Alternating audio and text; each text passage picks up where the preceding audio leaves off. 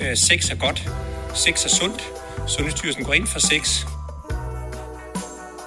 I Svingerklubben er der hverken krav om, at man skal have sex eller sexgaranti, men der er garanti for sikkerhed, tryghed og diskretion. Måske er det derfor, at mit liv, både sexlivet, men også alt det andet, har ændret sig til det bedre, siden jeg begyndte at svinge. Jeg ønsker selvfølgelig for endnu flere, at de ikke skal lade sig stoppe af deres egne forestillinger og frygt for, hvad svingermiljøet er for noget, så derfor har jeg lavet en podcast om det. Her interviewer jeg andre svingere. Det er nye og garvede, og det er singler og par. Vi taler om livet før og efter den skældsættende første tur i klub, så du kan komme med som fluen på væggen, og måske bare have lidt lettere ved at træde over dørtrinnet, end jeg selv havde. Velkommen i klubben. På svingerpodcast.dk og Instagram-profilen Svingerpodcast kan du følge med i, hvad der sker bag kulissen og få indflydelse på programmerne. Jeg vil gerne høre fra dig, hvad du gerne vil høre mere om, så hvis du har ubesvaret spørgsmål, eller måske selv har lyst til at bidrage med din egen historie, så kontakt mig, når du ser mig, eller via Instagram. Diskretion er regel nummer et, så du kan henvende dig trygt og anonymt. Jeg siger ikke noget til nogen. Velkommen til mit andet ekspertafsnit. Jeg har været hjemme og tale med Frej Pral. Vi skulle tale om noget med parforhold, og hvad man skal være opmærksom på, og hvad man kan arbejde med, hvis man er svinger. Og jeg vil faktisk våge den påstand, at det også var vældig relevant, hvis nu man ikke er svinger endnu. Og vi talte egentlig om, at man godt kan have et parforhold, hvor man er åben og ærlig over for hinanden, og om man så ligesom også er åben over for andre, det er egentlig bare en lille del af god kommunikation. Så jeg havde i hvert fald en rigtig god og inspirerende samtale, og jeg håber, at du også nyder at være med. God fornøjelse. Hej Frej. Hej. Velkommen til Svinger. Tak. Og ja, tak fordi du ville være med. Tak. Jamen, fedt. Jeg vil, ja, fedt at, øh, at være med. Ja, Du elsker at være med i podcast. ja pod, podcast, podcasts er for fed. ja. Ja. Men du har ikke en selv. Jeg har ikke en selv, nej. Ikke. Så hvis man ikke sådan lige på stemmen kender dig, hvem er du så? Så er jeg Frej Praler, jeg er psykolog og parterapeut. Nogle har måske set mig i Fede Forhold, som er en øh, serie, der er kørt på DR1 eller 2. 2 må det være, det kan jeg ikke huske nu, hvis lidt af hvert. Du kan i de her Ja. stream, streaming streamingtider. Man kan finde det hele på DR.dk. Ja. Som egentlig bare, hvor jeg, altså, hvor jeg er parterapeut og hjælper forskellige par med ligesom at øh, sikre deres parforholds trivsel, imens de er i gang med et vægttabseksperiment. Mm. Og så har jeg skrevet nogle forskellige bøger og arbejder egentlig til daglig som parterapeut, og det er det, jeg laver Ja. mest. Og nogle debatindlæg og sådan lidt af hvert. Ja. Jeg fornemmer på din Instagram, du også interesserer dig en hel del for børns trivsel. Det er rigtigt. Ja, børn og parforhold, de hænger jo meget sammen for mig, de to ting jo, ikke? Fordi jeg synes, parforhold er sådan en overset størrelse egentlig i familielivet. Vi kigger meget mere på børnene, og hvordan skal mm. børnene have det godt på en eller anden måde. Vi glemmer også lidt, at altså stemningen mellem forældrene, hvad enten det er far og mor, eller medfar og medmor, eller hvad det nu er, mm. eller en ny, der er kommet ind i familien, den er bare sindssygt vigtig jo for resten af familiens trivsel. Altså hvis, vi ved det jo alle sammen, vi kan også huske det garanteret selv som børn, hvis vores forældre har haft det svært med hinanden, så har det også påvirket os som børn. Ikke? Så det betyder meget for mig, at man kigger på parforholdet ind i en familiekontekst. Ja. Ja. Jeg tænker også, det er vigtigt. Mm? Altså, jeg plejer lige at spørge mig, så den tager vi lige inden vi går ind i det, for jeg var lige ved at komme til at spørge. Mm. Men hvor er det, vi kender hinanden fra? Ja, os to, Ja. eller hvad? Altså Ja. vi kender hinanden, fordi din søster var med i fede forhold Ja, ja, i sin var. tid, Ja. øhm, med sin daværende kæreste, Ditmar. Og øh, så kontaktede Ditte mig så for at være med i en podcast, Venterummet, Lige præcis. sammen med dig. Ja. Og så mødtes vi, og synes jeg, det var skide hyggeligt. Og så kontaktede du mig igen Ja. i forbindelse med det her swinger. Ja. Og du var faktisk sådan lidt, hvad ved jeg om svingere? Ja, det er det. Ja, det er rigtigt. Ja. Men så sagde jeg, ah, det er jo parforhold i det hele taget, og så gad du godt. Ja, så vil jeg gerne. Ja, men jeg synes, og så sendte du mig nogle spørgsmål, og så synes jeg, jeg har jeg måske nogle bud jo i hvert fald på, Ja. ja. hvad det Ja. Men det er godt at få nogle eksperter med. Ja. Fordi jeg har jo selv nogle hypoteser om, at de der svingerparforhold mm, måske har en anden dybde, Mm. men de er også sådan lidt sprøde i det, mm. Mm. tænker jeg. Og jeg synes, at øh, jeg tænker, de er også svære på en anden måde. Mm. Så, øh, så, så derfor er jeg sådan lidt optaget af det som koncept, det der med forskellen mellem almindelige parforhold og almindelige parforholdsproblemer, Mm. og så de åbne øh, forhold, og hvordan det er anderledes. Ja. Og hvordan er det nu, øh, når, når du har folk i din klinik, eller hvad kalder du det? Mm, ja, klinik kan vi sagtens. Hvad er Ja. det så egentlig det mest typiske, de henvender sig med? Åh, oh, ja, det er mange ting. Ja. Altså, det er jo... Altså, det er jo en typisk ting hvad det vil sige, vi kan ikke forstå hinanden, eller vi har svært ved at forstå hinanden, og vi, mis, vi misforstår hinanden igen og igen og igen. Det kan være en ting, mange kommer med hos mig. Og så har jeg jo også specialiseret mig i, i seksualiteten, og derfor tror, er der også mange, der kommer til mig med lige præcis seksuelle problemer. Typisk at den ene har mistet lysten til mm. sex, og det er mega frustrerende, fordi typisk hun, men det kan også godt være ham, vil gerne have den tilbage, og kan mærke, at man hele tiden skuffer sin partner, fordi man kan jo mærke, at han gerne vil, ikke? Og Ja. han er frustreret over, at der ikke er noget, og han vil gerne have mere, ikke? Og Ja. Så det er også en typisk udfordring, og så alle de afledte problemer, der ligesom kommer ud af det.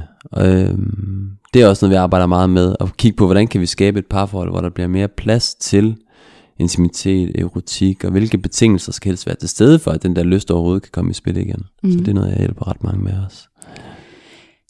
Så altså jeg tænker, mange svinger jo på en eller anden måde er i kontakt med en vis lyst, men den, det er vel sjældent, at øh, i et parforhold, at den er helt ens alligevel, eller hvad? Ja, lysten. Ja. ja, og det er også forskelligt, hvordan vi mærker den. Altså, nogle mærker den meget i kønnet, altså mm. direkte, og andre mærker den mere som sådan en, en mental fantasi, måske om et eller andet, og andre har den meget sådan i hjertet, altså sådan en, de kan mærke, at hvis de virkelig føler sig følelsesmæssigt forbundet til deres partner, kan mærke, at han elsker dem, eller det er jo sådan typisk en kvindeting igen, mm. ikke? Men så, så, så er det som om, at deres, nu siger igen, så, altså åbner deres køn så også for, for dem på en anden måde, ikke? Men det starter et andet sted, det starter mere som sådan en romantisk, hjertelig ting. Mm. Hvor det for mange mænd kan være en mere sådan direkte, jeg kan bare mærke det med en pæk, jeg har bare ja. lyst, ikke? Eller den rejser sig bare sådan fuldstændig, fordi der lige var et eller andet, der lige kørte igennem mig, en fantasi eller sådan noget. Så mm. det er meget forskelligt, hvor vi mærker den, og det tror jeg også er vigtigt at sige, fordi nogle gange så tænker vi også meget, at altså lysten skal sidde i kønnet. Det behøver mm. den jo ikke. Den kan jo sidde mange forskellige steder, og det er også en pointe, vi, jeg arbejder med mange par med, ikke? Så hvordan gør man så, hvis, hvis det er forskelligt? For eksempel, hvordan man mærker det. Ja, ja. Altså det kræver jo i hvert fald, at man altså først og fremmest skal have et sprog for det. Altså det, ja. det første, jeg arbejder med med rigtig mange par, det er at overhovedet kunne åbne munden og snakke om det her. Det er blevet så betændt ofte jo, at jeg kan huske, et eksempel var sådan en, en mand, der sagde, kan jeg huske, at jeg tror sidste uge, jeg havde en klient inde, mm. som, hvor han bare sådan bryder helt sammen og, og siger et eller andet i stil med, og så her, her for nylig, så begyndte jeg kraftet mig også at hænge vasketøj op, eller et eller andet, bare i håb om, du skulle blive liderlig af det, så fik du noget mere tid, eller sådan et eller andet. Der var et eller andet, og han var bare, du ved, han var dybt frustreret, men det hele havde foregået sådan, du ved, tavst inde i ham. Hun var slet ikke klar over, hvor stort det der behov inde i ham var, altså. Og han havde gået og bygget sådan en kæmpe offerfortælling op, og det gør rigtig mange mænd især, altså, og så tænker de, at hun må være helt forkert eller sådan noget, ikke? fordi hun ikke har lyst, men de snakker ikke sammen mm. om det, og han tager det ikke hjem til sig selv, som om, at det er hans behov, og det er noget, han har brug for, men han gør hende forkert i det. Så det første store afgørende skridt for rigtig mange, det er overhovedet at kunne sige, prøv at høre skat, jeg har mega meget lyst til sex, og jeg er med på, at du ikke ligesom er der. Hvad kan vi overhovedet gøre for at nærme os et eller andet? Mm sted sammen, som er tilfredsstillende for os begge to. Ikke? At det er virkelig det første afgørende skridt, for der er så meget ubevidst mudderkasting i det, hvor man tænker, hold kæft mand, hun er jo pissefrigid, hende der mand. Altså, hvad fuck sker der? Eller hun gør det med vilje. Hun straffer mig. Ikke? Hun straffer mig. Hun har lagt mig på is i det. Ikke? Og, Ja. og ofte så går hun jo ikke og straffer, men hun går og føler mega meget skyld og dårlig samvittighed over, at der ikke er den der lyst, som hun kan mærke, han har brug for. Og egentlig også måske nogle gange er selv super træls over det, for hun kan godt huske, hvor mega lækkert det var i starten, og hvor mange orgasmer hun fik, eller hvor, altså, hvor meget lyst og nydelse der var, faktisk var i det for hende, og hun er også frustreret over, at det ikke er der længere. Ja. Og, øhm, og det, det første skridt er ligesom at få snakket om det, og få sagt højt, at jeg er mega frustreret, og jeg har lyst til at have lyst til dig. At hun får sagt det til ham for eksempel, ikke? at jeg har mega meget lyst til at have lyst, og jeg straffer dig ikke. Jeg vil også gerne finde en vej ind i det, og han kigger på hende og siger, ej, hvor er det fedt at høre, altså, for jeg troede bare, at du sådan havde valgt den der blokade. Og det bliver rigtig vigtigt, fordi der er, sådan, der er meget sådan, jeg kan huske det selv, jeg havde det, ja, Vibeke og mig, min mm. kone, havde det præcis på samme måde. Altså hun mistede også lysten efter vores første dreng kom til verden, og mm. i en lang periode bagefter. Det var mange fysiologiske og psykologiske gode grunde til, at kvinder især gør, når de sådan har fået børn. Også under graviditeten og sådan noget. Der, er det kan jo snakke rigtig længe om det her, men mm. jeg tror bare, for at gøre det helt kort, så kan jeg huske den der, jeg kan bare huske, at øh, altså, jeg blev ved med at henvende mig, fordi min lyst der var intakt. Mm. Men så pludselig så skulle jeg sådan stå mål med noget, jeg bare overhovedet ikke kendte før, og det var afvisningen. Altså den der afvisning på ens lyst. Og jeg kan huske, hvad der skete til at starte med, det var sådan en, jeg blev såret og ked af det, og frustreret og vred. Øhm, og så begyndte jeg sådan at lægge den over på Vibeke. Det var jo hende, der var problemet, ikke? Altså, fordi det var hende, der mistede Naturligvis, lysten. Naturligvis, ikke? Sagde parterapeuten. Jo, nu er det mange år siden, skal det sige, så jeg nåede lige at skrive en bog om det og sådan noget i mellemtiden. Men øh, jeg kan huske, at jeg fik sagt sådan nogle ting til hende, som, ah, skal du ikke til at øh, tale, passe lidt mere på dig selv, eller løbe en tur, eller få noget massage, eller... Altså, gør et eller andet aktivt for at få lysten Mm. tilbage igen.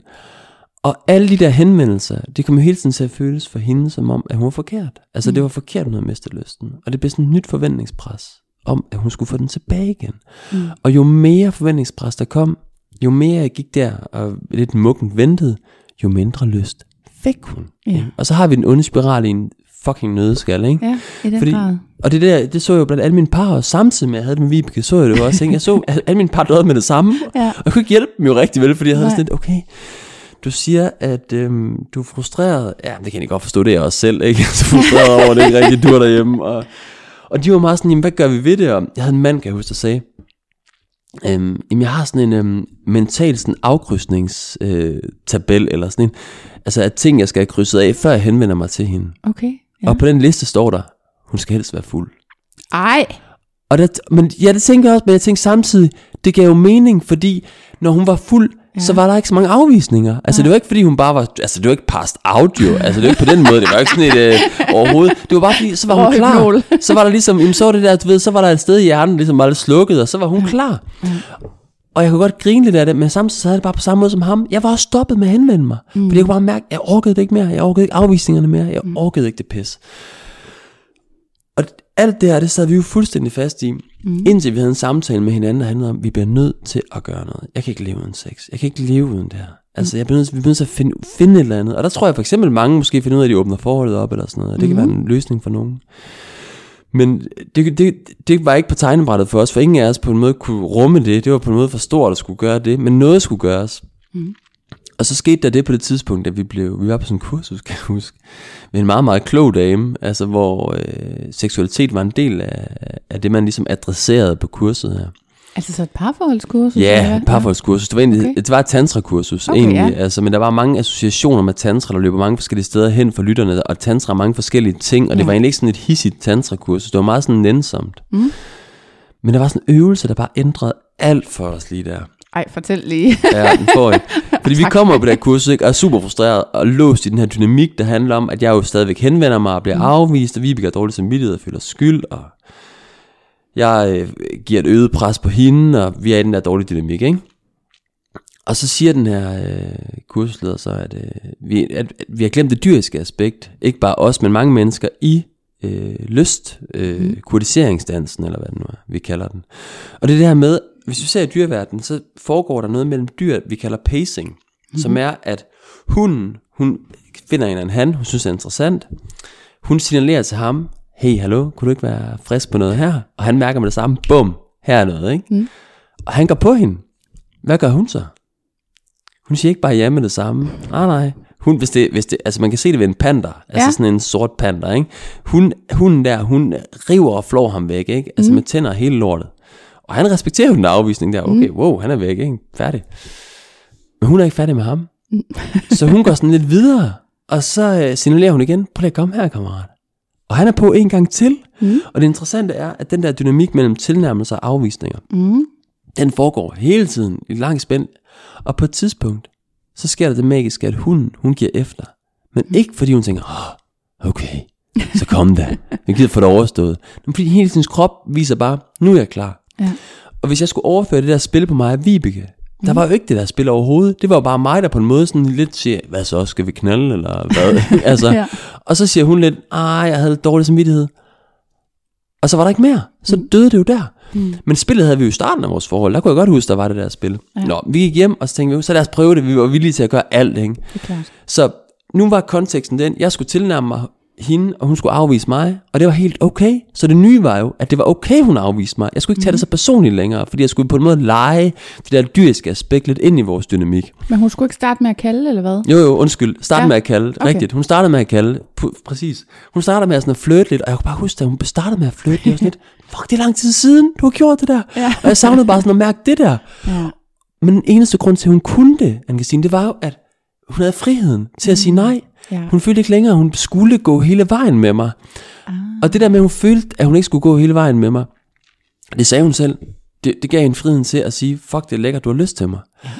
Og det var en, altså en game changer for mm. os, det der med, at altså, der var ikke nogen succeskriterier længere. Det var bare den der leg, vi skulle have gang i. Og ja. der var ikke noget med, at vi skulle nå derhen til det der sted der, vi nu var. Så øh, vi gik i gang, og hun flyttede mig op, og jeg gik til hende, og sådan noget, hun afviste mig, og mm. Jeg, jeg gik sådan tilbage, og vi lavede det der en halv time eller sådan noget, det der spil. Og så skete der bare noget, der ikke var sket i et år, og det var så fucked up, og jeg tænkte, mm. hvad sker der? Det var Vibeke, hun sagde, Frej, nu skal vi knalde, sagde hun så, for mm. jeg har mega meget lyst til dig. Ja. Og jeg sad bare og tænkte, hvad sker der? Jeg har gjort alt muligt. Jeg har lavet mega lange forspil. Jeg har øh, læst bøger om seksualitet. Jeg har, hvad hedder det, vi har kørt øh, sterinlys. Vi har mm. kørt alt muligt. I, og der, du har ikke haft lyst på et eneste tidspunkt. Mm. Og nu leger jeg en eller anden åndssvag dyrelej. og så bliver du bare drønliderlig. Ja. Ikke? Hvad sker der? Og det, og det var sådan min vej ind i, hele den her verden og begynder at finde ud af, hvad sker der i hjernen, hvad er der ligesom på spil der, hvorfor er det, du får lyst til det her, hvad er det, der gør, gør, at den kommer i gang. Og det var så det, det er også det, jeg gjorde, jeg skrev bogen til sidst, der så hedder mm. Tændt øhm, Sexy Parforholdet fra pligt til lyst. Mm. Og det er jo også på en måde meget det, der sker, altså, og det jeg så meget, meget, meget kort fandt ud af, det var jo, at, at der er et særligt center i hjernen, som bliver slukket i det øjeblik, Vibeke ikke føler det her forventningspres om, at hun skal levere sex. Altså, for det var på en måde det, der skete her, samtidig med, at jeg viste hende, jeg havde lyst til hende. Og det center i hjernen, det er et, det er et svært navn, det hedder ventromedial præfrontal cortex, men det er et særligt center i hjernen, no, så er det slænget ud. Men det er et center i hjernen, som særlig en græsk forsker, han har beskæftiget sig en del med. Han har skrevet en forskningsartikel i 2010, hvor han fandt ud af, at hvis man gør mennesker liderlige i hjernescanner, ikke? og ser, mm. hvad sker der inde i hjernen. Ja, det så kan lyder man se, altså som nogle sjove eksperimenter. præcis, jeg tænker over, hvordan gør man? Altså, hvordan, hvordan bliver de liderlige? Det er Især fordi det er sygt uhyggeligt at ligge inde i sådan en. Har du prøvet det? har du? Ja, fordi ja. Jeg, jeg, i min fritid så er jeg samtidig sådan noget forsøgsperson i forskellige forskningsprojekter, øh, fordi at jeg jo selv er forsker, så man skal jo hjælpe. Ja. Så, så jeg har prøvet at få scannet min hjerne ja. i sådan en uh, øh, MR, PET-MR, og der, man, bliver bund, man bliver spændt fuldstændig fast på hovedet. Ja. Man kan overhovedet ikke bevæge sig. Man har sådan en, øh, en, en kugle i hånden, man skal trykke på, hvis man bliver utryg. Okay. Og så bliver man bare kørt ind i verdens mindste rum. Ja. Og så er der bare så meget larm, og man får hørepropper i. Der er så meget larm, at man ikke kan, altså man kan køre noget, man tænker, der er ingen, der kan høre, hvis jeg skriger. Og det er der heller ikke. altså virkelig, virkelig ubehageligt. Så skulle ligge inde i det der, altså der kører sådan, man bliver kørt hele kroppen ind i sådan noget, og der er sådan ja. højst 10 cm, man kan dårligt nok fokusere op på toppen. Og, og, og så skulle ligge derinde, og blive liderlig. Hvordan, hvordan, altså det forstår jeg slet ikke. det kommer ikke til at ske Hvordan jo. bliver man liderlig derinde? Jeg forstår det heller ikke. De virker syret. Ja. Nå, men de, de blev åbenbart liderlige på en eller anden måde. Det altså, jeg ved ikke, hvordan de har præsteret det, men de har i hvert fald præsteret en form for liderlighed. Og det, de bare kunne se i det her hjernescanner, det var, at det meste af hjernen var aktiv, med undtagelse af det der konkrete center. Mm. Det var ligesom slukket. Så det, man fandt ud af, det, skulle, det der center skulle på en måde være slukket, for at lysten til sex skulle komme. Mm-hmm. Og så kommer det næste interessante spørgsmål, det er jo, hvad er det for et center? Hvad, er det, hvad gør det center? Og det center, det er altså på en måde sådan et normkompas, vi alle sammen har, som er sådan en, altså sådan en slags øhm, GPS, der hele tiden lurer, hvad, hvad skal jeg gøre her? Mm. For ligesom øh, at være rigtig i situationstegn, for at være inde i varmen. Ikke? Hvordan skal jeg opføre mig i den her sammenhæng?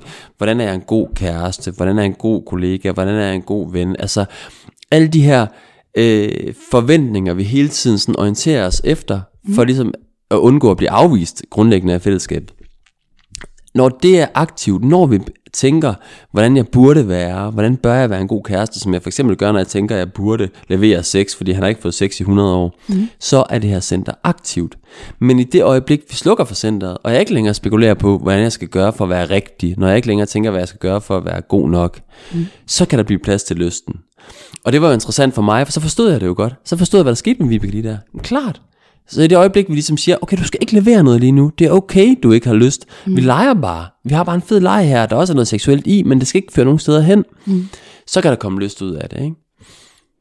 Altså jeg tror det er svært, fordi et eller andet sted, så tror jeg mange vil sige, ja, ja lad os lige lege panter her en halv time, fordi så får du lyst alligevel, ikke? Altså ja, ja. forstår du, hvad jeg mener? Ja da, det forstår jeg udmærket. Jeg forstår det skide godt, fordi det vil altid være der i baggrunden på ja. en eller anden måde som et forventningspres.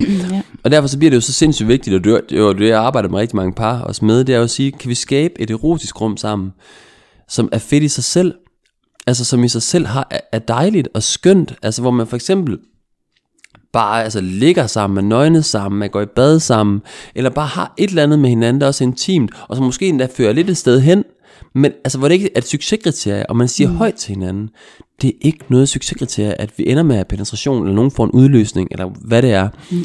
Og det, og det er rigtigt, det er jo svært også, hvis hele kroppen siger, "Hey, jeg har så me- mega meget lyst nu. og det er jo ikke, fordi jeg siger, at man ikke kan gøre ting sammen. Altså, det er jo også noget med at udvide sin forståelse fra den der meget snævre idé om, det eneste vi kan gøre, det er penetration, ikke? Og det er ligesom den der, øh, som rigtig mange har inde i hovedet. Så der er også noget med at udvide rummet for, hvad man kan gøre med hinanden. Altså, hvis man har et kæmpe pres, ej, man kunne virkelig bare godt tænke, at du lige gik med mod, hvad der rørte lidt ved mig, eller et eller andet, mens jeg selv gjorde noget måske. Mm. Alt, hvad man kan gøre, som ikke involverer penetration, vil jeg egentlig sige. Altså, snak om det, hvad jeres fantasier, hvad kunne være fedt og sådan noget at gøre. Mm. Men det er virkelig vigtigt, at man kan tage forventningspresset af penetrationen af, fordi det ligger så dybt inde i kroppen. I alle sådan, jeg, jeg, det er kun godt nok, hvis jeg gør det her. Og jo mere den følelse er der, jo sværere vil det være at mærke sin egen lyst. Ja. Jamen, vi er faktisk også tilbage i et af mine uh, lidt centrale spørgsmål, som er, hvad er egentlig sex? Ikke? Jo, hvad sex er. Ja. ja altså, Har der du er jo- nogensinde beskæftiget dig med Ja, det? meget. Altså, jeg har beskæftiget mig meget med det. Altså, der er jo mange definitioner af det. Altså, mm. man kan sige, der er sådan en helt, der er en helt klassiske, som, jeg, som mange jo desværre øhm, kigger på, sådan en meget rigid skabelon, der handler om, at at det seksuelle, det er, når man lige har haft øh, 5-7 minutters øh, forspil af en eller anden art, nogle berøringer, og så er der sådan 8-9 minutters penetration, og så er det sådan cirka det. Altså mm. det er ligesom det, de fleste definerer som øh, rigtige situationstegn, sex. Ja. Ja. Og det er også det, hvis du kigger i diagnosekriterierne, så ser du, at hvis du har nedsat seksuel lyst, Ja. så er det nedsat, seksuel, nedsat lyst til lige præcis den her form for seksuel aktivitet. Ah, altså, og så kan man jo pludselig godt forstå, at mange bliver diagnostiseret. Fordi, altså hvad hvis man lavede om på diagnosekriterierne og sagde, nedsat lyst til, øh, hvad hedder det, kys, berøringer, mm. som alt sammen er i en stemning og atmosfære af, at det ikke behøver at lede til mere. Mm. Hvor mange var så blevet diagnostiseret med det? altså, Ja, ja. jeg synes, der er en enorm, vi har, altså det er helt klart vores forestilling om, hvad sex er, er meget sådan snæver. ja. Og det gør også mange føler sig meget forkerte, tror jeg. Jamen, fordi det er jo også noget af det, jeg synes, Svingerklubben kan. Mm. At øh, det lyder måske meget sådan, jamen, så skal man ind og have sex i et eller andet, altså i et, øh, hvad hedder sådan noget, øh, ja, en sexklub, ikke? Mm. Og det, det kan man jo også godt, men det skal man jo ikke. Det er jo ikke sådan en slags krav, der er, at du kan kun blive lukket ud igen, hvis du har haft sex Nå, i dag. Vel? Nej, Og, og det jeg oplever, det er især min partner og jeg, vi laver meget sådan noget partnerbytte. ja, Og der er jo kæmpe stor forskel, ja. men det på, hvad der egentlig sker i sådan en situation. ja, Og nogle gange, så er det nærmest bare nogle få berøringer øhm, på en arm. Ja. Ikke? Andre gange er det kys, og nogle gange er det all in Ja. på byt. Andre gange er det sådan nærmest fire mennesker i en stor Ja. bunke, eller Ja. seks eller otte, eller hvor mange der nu er Ja. lige er med i den Ja. aktuelle situation. Og det er, det er jo alt sammen sex, ikke? Ja. Og det er det, vi tit snakker om, at hver oplevelse med hver ny person eller par, Ja. er jo noget særligt. Ja. Ikke? Og jeg tror, at på den måde er min horisont for, hvad et sexliv egentlig er, også blevet udvidet af at gå i klub. klart. Men jeg er også blevet lidt udfordret af min partner, som for eksempel siger, hvorfor får du ikke lige så meget ud af et kys, eller Ja. ud af en kram, som du får ud af øh, penetrationssex, ikke? Ja, I forhold til at føle mig bekræftet. ja, Det er den, jeg så nogle gange kan bøvle lidt med, ikke? jo.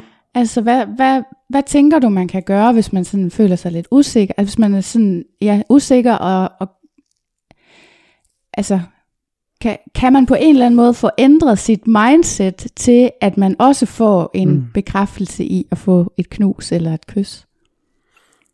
Ja, det kan, altså nu siger jeg noget, det behøver ikke at være rettet mod dig, men det er noget, jeg kan høre fra andre i hvert fald. Øh, Jeg har snakket med om det, og nu er jeg så primært snakket med kvinder om det, så jeg kender mm. ikke rigtig den mandlige, øh, og det kan være det meget det samme også.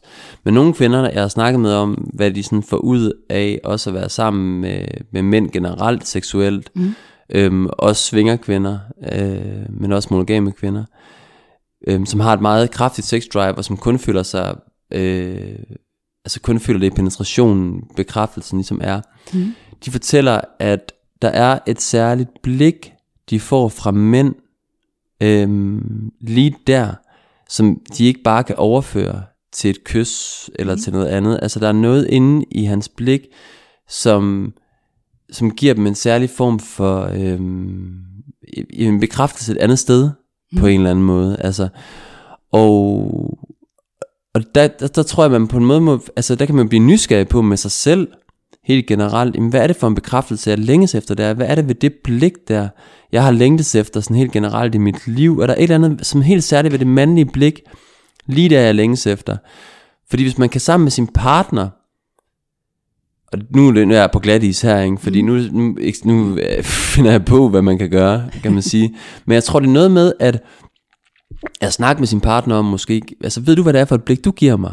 når du penetrerer mig. Altså, ved du, hvad det er for et blik, det er? Og så kan han måske sige, det ved jeg sgu ikke rigtigt, eller, det kan, eller måske ved han det. Mm. Og hvis han, hvis han ved det, hvis man så på et tidspunkt, hvor man ikke er i penetration, bare kunne sidde og kigge lidt på hinanden, og så hvis han kan prøve at kigge på dig fra det sted, eller sådan, mm. eller hvis han kan generendre de øjne, han kigger på en med, lige der, hvor han gør det der. Og hvis man kan prøve at mærke på, nu kan jeg, det giver mig et eller andet, eller sådan. Men det er svært at sige, for jeg tror også, altså, det kan jo også hænge sammen med, at der er et, og det er jo noget, vi alle sammen har det her, det gælder ikke bare svinger, eller, men at man har et, et særligt psykisk kompleks med sig, som handler om, at der er en eller anden bekræftelse, som man, som man hele tiden higer efter, men man, som man, øh, ja, hvordan skal jeg sige det, aldrig rigtig, aldrig rigtig får, fordi den hænger sammen med noget i ens egen biografi, der er et eller andet med ens egen mor eller far, eller hvad det er, med kraft, man så længtes efter der, som man måske kan få, hvis man spoler tilbage, hvis man lukker øjnene et øjeblik og tænker tilbage på, okay, hvornår var det, jeg savnede den her bekræftelse? Hvem var det, jeg gerne ville have den fra? Og så forsøger et øjeblik og, øhm, at tage den mor eller den far, og så bare prøve at forvandle, altså vedkommende. Prøv at tænke, okay, hvordan ville det være, hvis han virkelig havde kigget på mig med sådan vildt bekræftende og sådan beundrende øjne et øjeblik. Og så bare føre sig selv tilbage i barndommen. Mm. Og så prøv bare et øjeblik at lade ham eller hende, fordi de fylder jo så meget de der forældrefigurer, ikke? Ja. Og så prøv bare et øjeblik at lave ham om, og lade ham vågne op, og så bare kigge på en sådan virkelig sådan, wow, med stolthed i blikket, ikke? Og du er min datter, eller du er min søn, eller hvad det nu er. Og så prøv at mm. mærke, hvad gør det inde i en selv, og få det blik lige der, ikke? Fordi ofte så er der, så det, jeg tror vi alle sammen på forskellige måder har savnet den spejling lige præcis af vores mor og far. Mm. Og det gør, at vi jo overfører det til vores partner ofte, i sådan en ubevidst forventning om, at de skal give os det ja. igen og igen, men det gør de aldrig rigtigt, og det bliver aldrig rigtig godt nok, så vi søger det hele tiden, og så får vi sådan glimt af det nogle gange, og sådan, ej, der var det, eller, uh, det var godt, lige, lige det glimtet der, og så bliver vi med at forfølge det, men vi kommer aldrig rigtig hen og bliver tilfredse, fordi der måske er noget, der er et andet, det er måske nærmere et andet sted, vi skal nære, eller et mm. andet sted, vi skal komme. Mm. Ja, det, ja, hvis det giver mening. Det synes jeg, det gør. Og jeg tænker sådan lige kort, kan vide, om der er nogen, som, øh, som på en eller anden måde har brug for. Altså fordi det, det, der nogle gange undrer mig, det er det der med, det er som om, at øh, i længere parforhold, så for det første, så du nævner selv, at sexdrivet bliver mindre, men der er også noget med den der bekræftelse, mm. som ikke helt fylder lige så meget. Man kommer til at tage hinanden for givet, og yeah. sådan, og det der at blive helt velkommen hjem med et stort kys, Præcis. det er bare sådan, nå tak fordi du kom. Altså, ja. det siger man ikke vel, men, og man tænker det måske ikke engang, men det burde ja. man. Og så er det måske, at nogens øjne begynder at rette sig udad, Klart. ikke? Klart. Fordi man søger den der bekræftelse andre 100. steder fra. Helt klart. Helt klart. Og det forstår jeg jo egentlig godt. Og det er jo, ja, ja, det tror jeg, du er fuldstændig ret i. Men jeg tænker jo bare, hvis det er det problem, man vil løse ved at være svinger, det skal mm. man ikke. Altså jeg tænker, at sådan nogle problemer skal man løse med sig selv. ja, men både at være swinger, men jeg tror også, men, men øh, det kan være, det er en måde at løse det på ved, ved at være swinger, men det er jo også, det er jo også en måde at løse det på et monogam parforhold. Altså jeg mener bare, der er jo lige så mange, der prøver at løse det problem i et monogam forhold, ved hele tiden at have ubevidst nogle forventninger om, at ens partner skal give en det blik, mm og den bekræftelse, som man grundlæggende har savnet altså fra et andet sted. Ja. Men derfor så tror jeg stadigvæk, at man bliver nødt til at adressere det i parforholdet og sige, uden at forvente, at ens partner skal være far eller mor for en, så vil sige, ej, jeg kan bare mærke, at altså, da jeg var barn, måske vi starte med at sætte sig ned sammen og sige, har vi lyst til at snakke med min barndom sammen med mig, eller et eller andet, altså, og så snakke om, hvad man har længtes efter fra sine forældre. Altså, hvad har man konkret? Undskyld nu, Arvudli. Ja. Hvor mange mænd tror du, der var med på den? Ja, så, ud af 10. Jamen, de kan måske være mere med på den, hvis man kan, hvis man kan sige til dem, på her søde skat, jeg er simpelthen så ked af det, men øhm, jeg gør det, som mange andre kvinder gør, og det er, at jeg forventer, at du skal være alt muligt, min far han ikke kunne være for mig, dengang jeg var barn. Og det synes jeg er jo helt vildt urimeligt, mm. at jeg egentlig kommer til at forvente alt det af dig. Og jeg tror, vi kan løse det sammen. Vil du være med til at hjælpe med at løse det, så jeg stopper med at forvente alt det her er der, og går og være sur over, at du ikke giver mig det? Forstår du? Yes, så er han med på alt. En gullerod, så kan han få sådan en gullerod, jo, fordi Ja. rigtig mange mænd går jo og skal finde sig i de her skuffelser at han aldrig er god nok. Han gør det aldrig Ja. rigtigt, og han gør, altså nu siger det meget generaliserende, ikke? Ja. Men som jo mange gange, mange af de forventninger, slet ikke dem alle sammen, men mange af dem, handler om nogle uforløste længsler, hun bærer med sig ind i forholdet, fordi hun projicerer sin egen far over på ham, eller sin egen mor. Det kan lige så godt være sin egen mor, hun projicerer over på ham, det behøver ikke at være far. Mm. Men der er mange af de, og det gør han gør det samme jo, med sine forældre over på hende, at hun skal tilfredsstille alt muligt, som hans mor eller far ikke kunne tilfredsstille for ham. Mm. Og det er helt okay, men vi skal på en måde blive bevidste om, at det er det, der sker, fordi så kan vi nemmere sætte hinanden fri i det, og hjælpe hinanden med også at sige, så vil jeg sgu gerne prøve at være det. Jeg vil mm. gerne prøve at være den gode far, så, altså for dig i en periode, så du virkelig kan mærke, hvordan det er, ikke? Ja. Ja.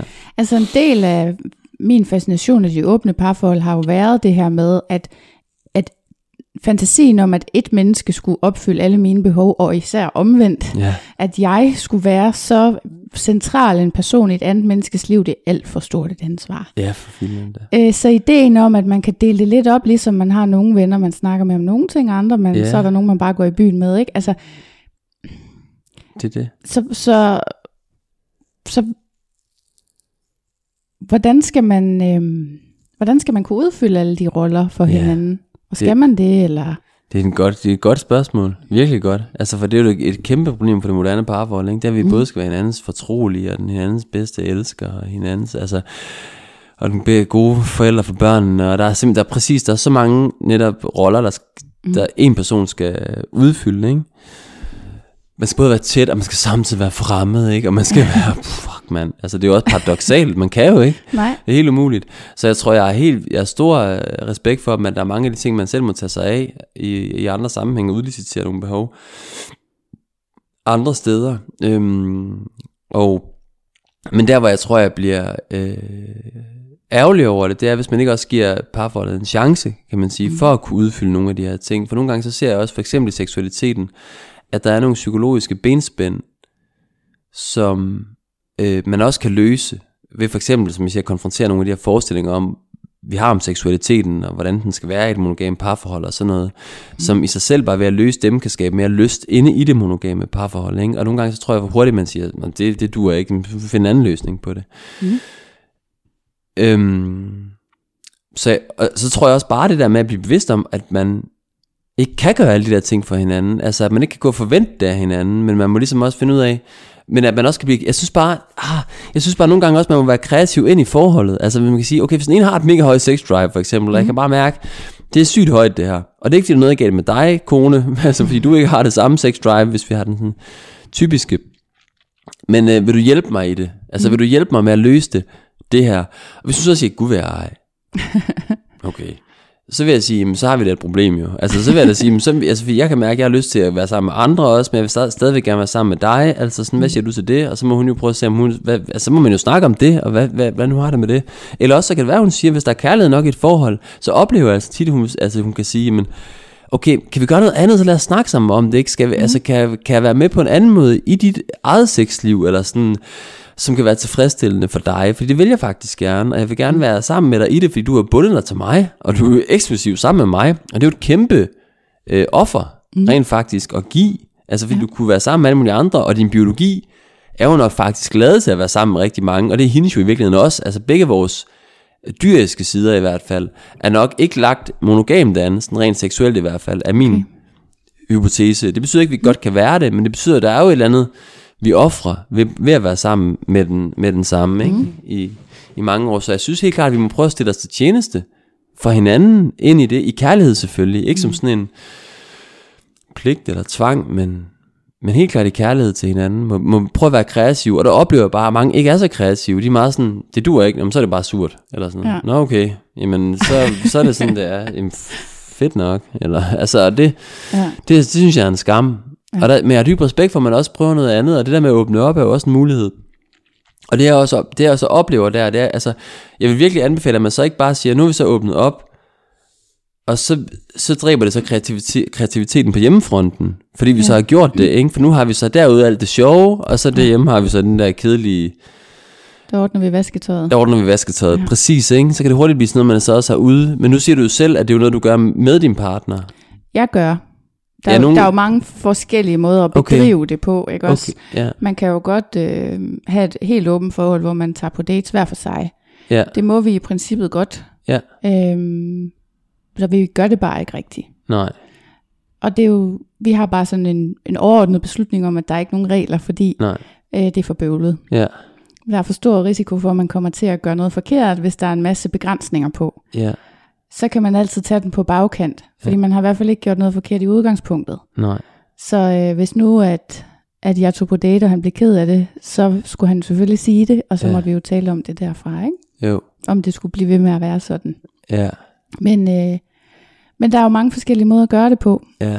Oplever du, at I skal snakke meget om det? Altså sådan, eller, hvordan, eller er det... hvor- Sådan helt personligt, noget af Ja. det, der skræmmer mig lidt, det er, at øh, alle siger, hvis man har et åbent forhold, man har sådan et forhold, hvor man er sammen med andre, mm. så er det meget vigtigt, at man snakker rigtig meget om det, og vi snakker ikke ret meget om det. Mm-mm. Og jeg føler lidt, at det er bare fordi, der ikke er noget at snakke om. Altså, man skal jo heller ja. ikke snakke ting ihjel. Altså, Nej.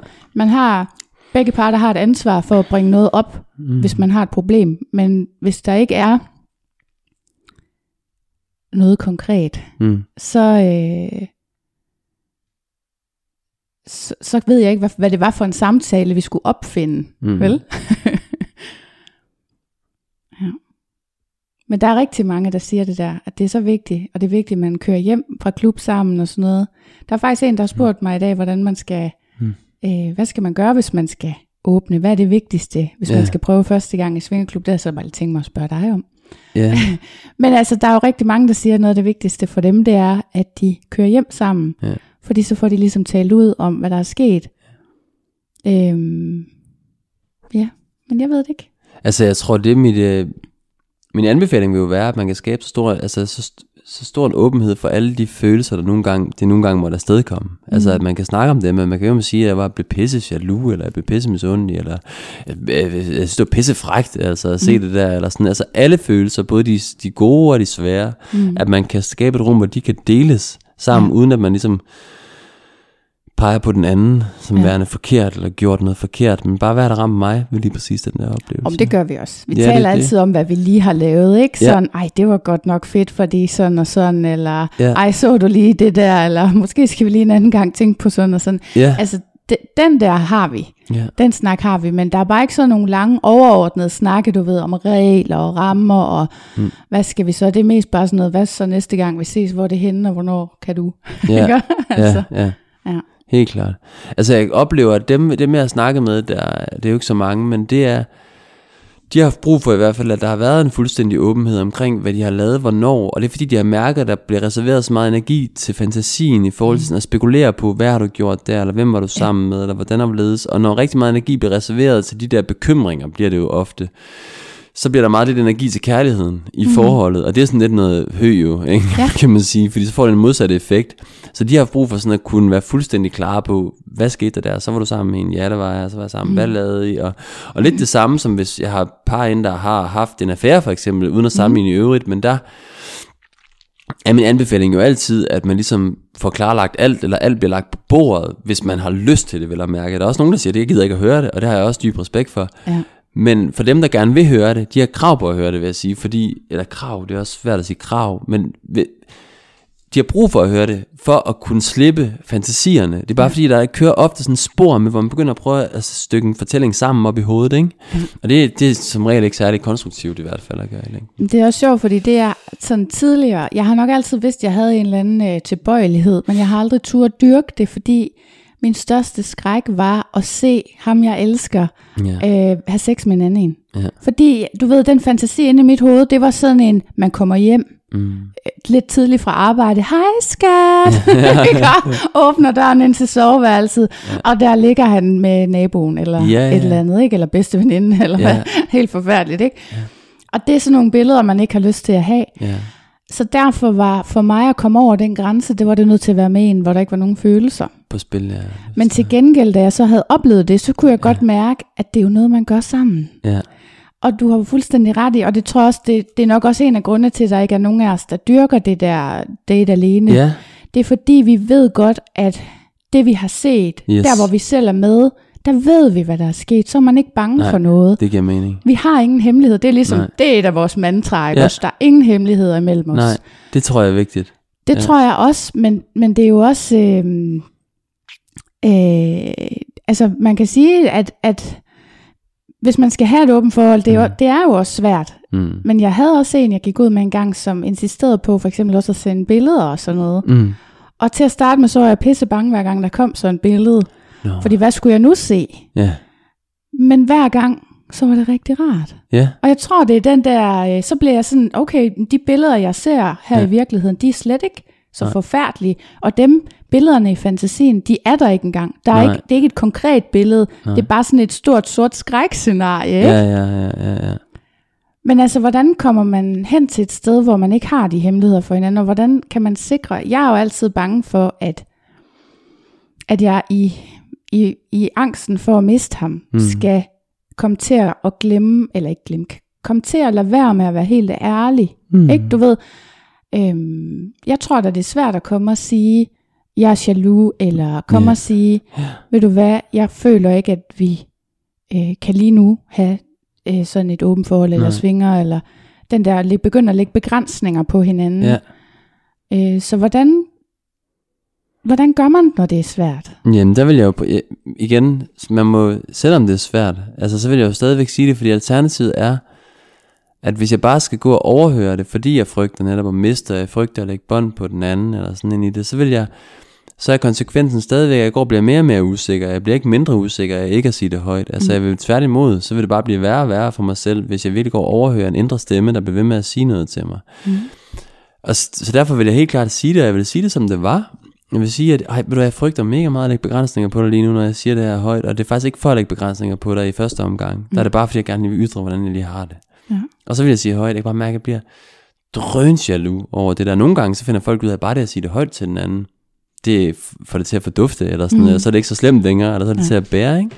Og så kan man måske sige det, ej, det var dejligt bare det at sige det højt. Nu kan jeg mærke, at jeg har det fint nok med det. Himmel gang knalde en anden gang, eller sådan Ja. et eller andet, ikke? Altså, Ja. øhm, så, så det tror jeg er min meget sådan korte, korte anbefaling til det, og det kan jo godt være, man ved jo heller ikke, hvordan den anden har det. Det kan jo være, at den anden har det på samme måde. Altså det kan være, at man sidder og tænker, ja, det bliver jeg sgu også. Jeg vil også blive lidt jaloux eller sådan noget. Det kan være, at jeg også har det på samme måde. Jeg gerne vil lugte det lidt mere. Eller så vi kan prøve at lugte det i en periode, og så kan vi se, hvordan det er, om vi savner det der liv, eller hvad det nu er. Mm. Men åbenhjertigheden omkring det, uanset om det er sårbart, mm. eller ej, for du har fuldstændig ret. Den der frygten for at miste, tror jeg, at alle kender. Eller det ved jeg da, at det gør de, den er bare mere, mere eller mindre kamufleret for nogen. Men altså hele den her snak startede jo også med, at du siger, at man på en eller anden måde ikke, ikke evner at få talt sammen om sit sexliv. Ja. Hvorfor er det, at det der sex det bliver tabu, og er det det fra begyndelsen, eller er der noget, man kan gøre for at sikre, at det ikke bliver det? Ja. Det er jo virkelig et godt spørgsmål. Jamen, hvorfor er bliver det så... Ja, hvorfor, jamen, det er svært at sige hvorfor, det er så, hvorfor lige præcis det er så tabubelagt. Det er fordi, det er jo en meget... En, det er jo en stor del af hende selv, lad mig sige det på den måde. Seksualiteten er jo en stor del af ens væsen. Altså, og når noget er en stor del af mig, det kan også være, at, at det kunne også være, at jeg var kristen. Det er altså, ikke- hvis jeg nu var det, så var det også en stor del af mig. Så hvis du lige pludselig øh, sagde, at det var noget mærkeligt noget, eller synes, det, var, det, var, det skulle jeg bare lade være med at være, det ville jo også sove mig helt vildt, altså hvis det var en del af en stor del af mig. Så alt, der er, jeg er knyttet til at identificere mig med, føler som en stor del af mig, hvis der ikke er plads til det, eller det ikke kan folde sig ud i mit forhold, så bliver jeg såret. Så er det jo en afvisning af mig som person. Mm. Altså, så derfor så tror jeg, det er så vigtig en bestanddel af en selv. Altså, det, altså mange kan huske det, når jeg snakker med klienter stadigvæk, og jeg kan selv mærke det også. Når man snakker om starten af forholdet, ikke? Mm. Altså, der er virkelig bare knald på, og vi bare elskede, det var, man får helt tår, nogen får tår i øjnene jo. Ja. Altså, man får den der længslen der. Øj, det var så skønt, ikke? Altså dengang, og især mænd kan jeg også høre det, fordi, og det er jo fordi, der var en del af dem selv, som særligt mænd jo, lige der i deres seksualitet, der kom til udtryk. Altså, det, der, var den, der foldede jeg mig ud. Brum, og jeg knaldede dig. Det var mega lækkert. og Du elskede det her. Det var fedt. Altså, den der fornemmelse der, det følte mig kanon meget som mand ind i. Ja. det der, ikke? Og der tror jeg, og der følte de sig levende på en helt særlig måde, hvor de måske føler sig ret døde nu, ikke? De går med deres arbejde og kommer hjem og ordner ting og sager, ikke? Men de savner den der liderlige kvinde, ikke? der bare var, mm. altså, og så sidder man jo og ser det i pornoen, og pornoen, de har jo fattet det, fordi hvis man ser, hvad der er der, ikke? det er jo kvinder, der bare ser, altså for at vide, de bliver instrueret i at se super overdrevet liderlige ud, ikke? Mm. De kigger med super liderlige øjne, ikke? og hvorfor er det det? Det er jo mega turn on for mænd, for det er det blik, de savner, og det kan de huske fra starten af forholdet. De kan huske det der blik der, fordi det bekræftede et sted dybt inde i ham. Det var ikke bare sådan en bekræftelse, som vi siger. Nej, det var fandme dybt inde. Nu siger du også blikket, du selv snakkede om, det der med at få det der blik fra mænd i penetrationen. Ikke? Altså sådan, det er jo det helt samme blik, manden han får, når hun bare også bliver mega liderlig og doner hen. Det er bare sådan en total, jeg er king of the world-agtig, ikke? Mm. Som, som desværre fader væk, og, og dermed også en del af hans, tror jeg for mange mænd, maskulinitet, eller følelse af at være en, fordi man er jo virkelig, der er man jo i kontakt med sit køn, meget konkret, mm. når jeg penetrerer dig, så er jeg sgu da mand, der er der ikke et tvivl om det i hvert fald, ikke? det er ligesom et karakteristika, der vil mm. noget, så det, jeg tror man, Ja, jeg ved ikke om det var et, et svar. Jeg tror det er derfor det er så tabubelagt for noget, så ikke fungerer. Mm. Så er der, det er så sårbart jo at bringe det op, fordi jeg bare jeg, jeg forventer ikke at der kommer noget ud af det. Det er jo sådan en følelse af, hvad skulle der komme ud af det? Det er sådan en afmagt jo. Ja. Hvorfor skulle jeg snakke om det? Der er ingen idé om det, for det virker jo bare ikke. Mm. Og jeg tror også, det er den der afmagt, der er i, at, at man ikke forestiller sig, at det kan du, eller man kan få det til at virke. Og når man, hvis man har den forestilling, så er det jo enormt smertefuldt at bringe det frem. Fordi mm. så bringer jo bare det til skue, ja. der ikke fungerer. Ja. Hvem, hvem har lyst til det? Så vil det heller bare pakke det væk, ikke? Og så bare ja. lade det være i det et eller andet dunkle sted. Ja. ja. Så, så hvad skal man gøre? Det er altså dig, der er eksperten, nu må du noget til at sige. ja, ja, jeg synes jo, man skal sige, man bliver nødt til at sige, for det første, finde ud af med sig selv, at jeg tror ikke, at der er rigtig mange veje udenom at snakke om det, men jeg tror også, at man bliver nødt til at vide ind i sig selv, nu siger jeg, at jeg er som mand, fordi jeg har, jeg har faldet i mange fælder selv her, altså inden man snakker om det, så videre af, det er det mit behov. Det er ikke, fordi der er noget i vejen med min partner. Det bliver nødt til virkelig at fat ind i mig selv, fordi det er så nærliggende. Det er så nærliggende at skyde skylden derover. Det gør vi alle sammen, når noget føles virkelig smertefuldt, så skal vi finde Søndebuk. Ja. It's you, ikke? Ja. Altså, og det, vi bliver nødt til virkelig, virkelig at komme hjem til os selv og tænke, jeg kan mærke, jeg har et kæmpe drive for det her og det er ikke det noget vej med dig, men søde dejlige skat, kan vi ikke sammen prøve at snakke om det her på en måde, hvor vi kan prøve at finde en vej i det. Jeg kender ikke lige vejen nu, men jeg, jeg er nysgerrig. Jeg er klar på at udvikle det. Ja. Jeg er klar på at finde ud af, hvad vi kan gøre. Men lad os starte med at snakke om det. Hvis man har det udgangspunkt, mm. så, føler, så, så skal hun ikke gå ind med, i det med sådan en følelse af, at hun skal i gabestokken, og fedt nok, så skal jeg være der. Og så har hun også lyst til at snakke om det. Ja. Problemet er, at hun har jo også ofte ofte sådan en vævring i forhold til at snakke om det. Hun tænker, nu skal jeg bare skældes ud igen. Nu skal jeg bare ja. vide, at jeg ikke gør godt nok. Nu skal jeg vide, at jeg skal ud og dyrke yoga, fordi det får mig, eller pole dancing, eller hvad det nu kan ja. være, for ligesom at komme i kontakt med min egen seksualitet, eller jeg skal gøre noget mm. godt for mig selv, ikke? og jeg mm. overgår det ikke, fordi det er bare et nyt pres i den der bunker, der i forvejen føles fucking presset. Ikke? Ja. Jeg vil have, jeg vil, ja, så det, den slags rum skal man kunne skabe med hinanden, og i mm. det rum skal der være, kan der opstå en, en god snak af mere erfaring. Ja. Så han siger et eller andet. Nu siger mm. vi han og hun ligesom om. Men ja, det, man kan det vende den om. Det er bare det er den typiske. Ja. ja. Og så hvordan er det så, at hun ligesom mm, tager imod det, ja. uden at komme til at lukke det ned? Ja. ja da jeg talte med Johan Ørting, der var det sådan lidt, øh, vi talte lidt om det der med, at i sådan noget skuespilsverden, så i impro, der må man aldrig sige nej, der må man kun sige ja og. Ja. Øhm, altså så fordi øh, jeg har i hvert fald selv tidligere haft det meget sådan, hvis min partner, han, jeg har næsten kun prøvet, at min partner har på et tidspunkt åbnet, åbnet ideen om en ekstra kvinde. Ja. Ikke? Og det har bare været sådan, der har jeg med det samme følt mig utilstrækkelig. Fordi jeg har haft det sådan, dengang der havde jeg ikke øh, lyst til at være sammen med andre kvinder. Så jeg kunne ligesom kun se for mig, her er to kvinder hver for sig. Der er en pik. Mm. What do we do? Yeah. det er som om, der mangler noget i den fortælling. Ikke? Og, og især hvis kvinderne ikke sådan ligesom skal interagere. Ja. Og det er jo det i mit hoved, der skulle der ikke være noget pige-pige-kontakt, for Nej. det havde jeg ikke lyst til. Så den der følelse af, han vil gerne have noget. Yes. Vi, vi ser jo ind imod et langt liv sammen. Ja.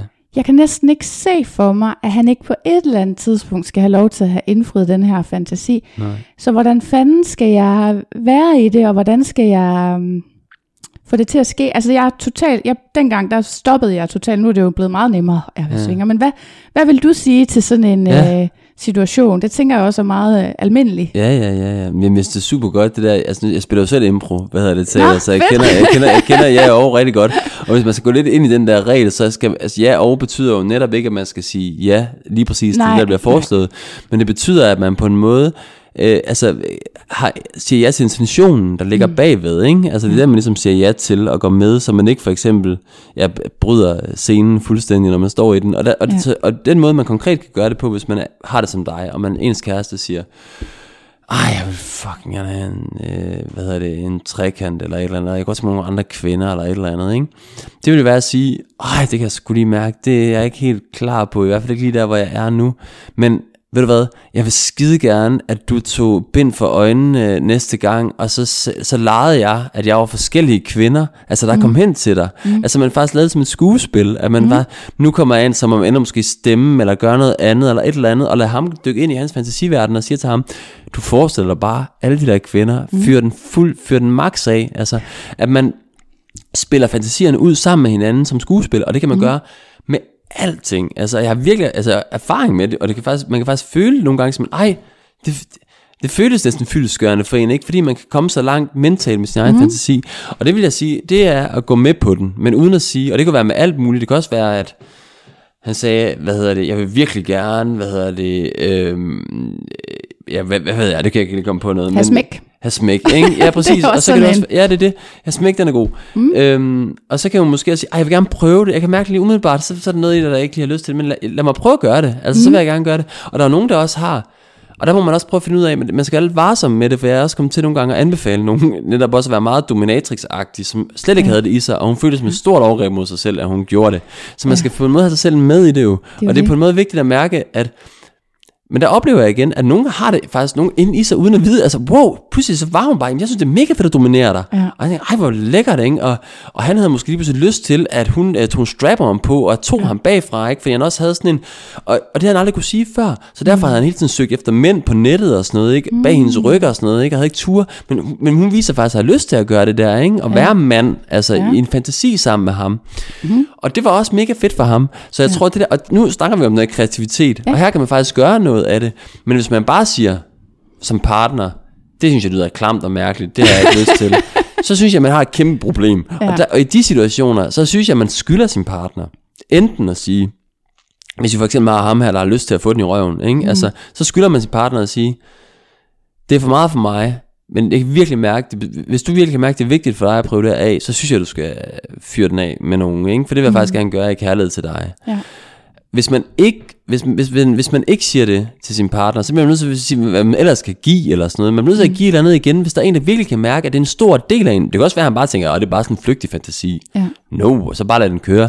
Men for nogen er det jo, nogle er jo også i forhold, heteroseksuelle forhold mm-hmm. for eksempel, og dem har jeg også, som har en stor biseksuel side, altså hvor de virkelig kan mærke, som mænd også, jeg har lyst til en anden mand, jeg har virkelig lyst til at prøve det, men og jeg kan mærke, at det fylder rigtig meget inde i mig. Mm. Altså så synes jeg da også, det er et kæmpe offer, Ja, at man så det. bare siger, det skal jeg slet ikke øh, i kontakt med. Så der synes jeg, men igen, jeg tror virkelig, hvis man har den snak med den anden, og man virkelig prøver at sætte den anden ind i, hvor vigtigt det er at få udledet for mig, mm.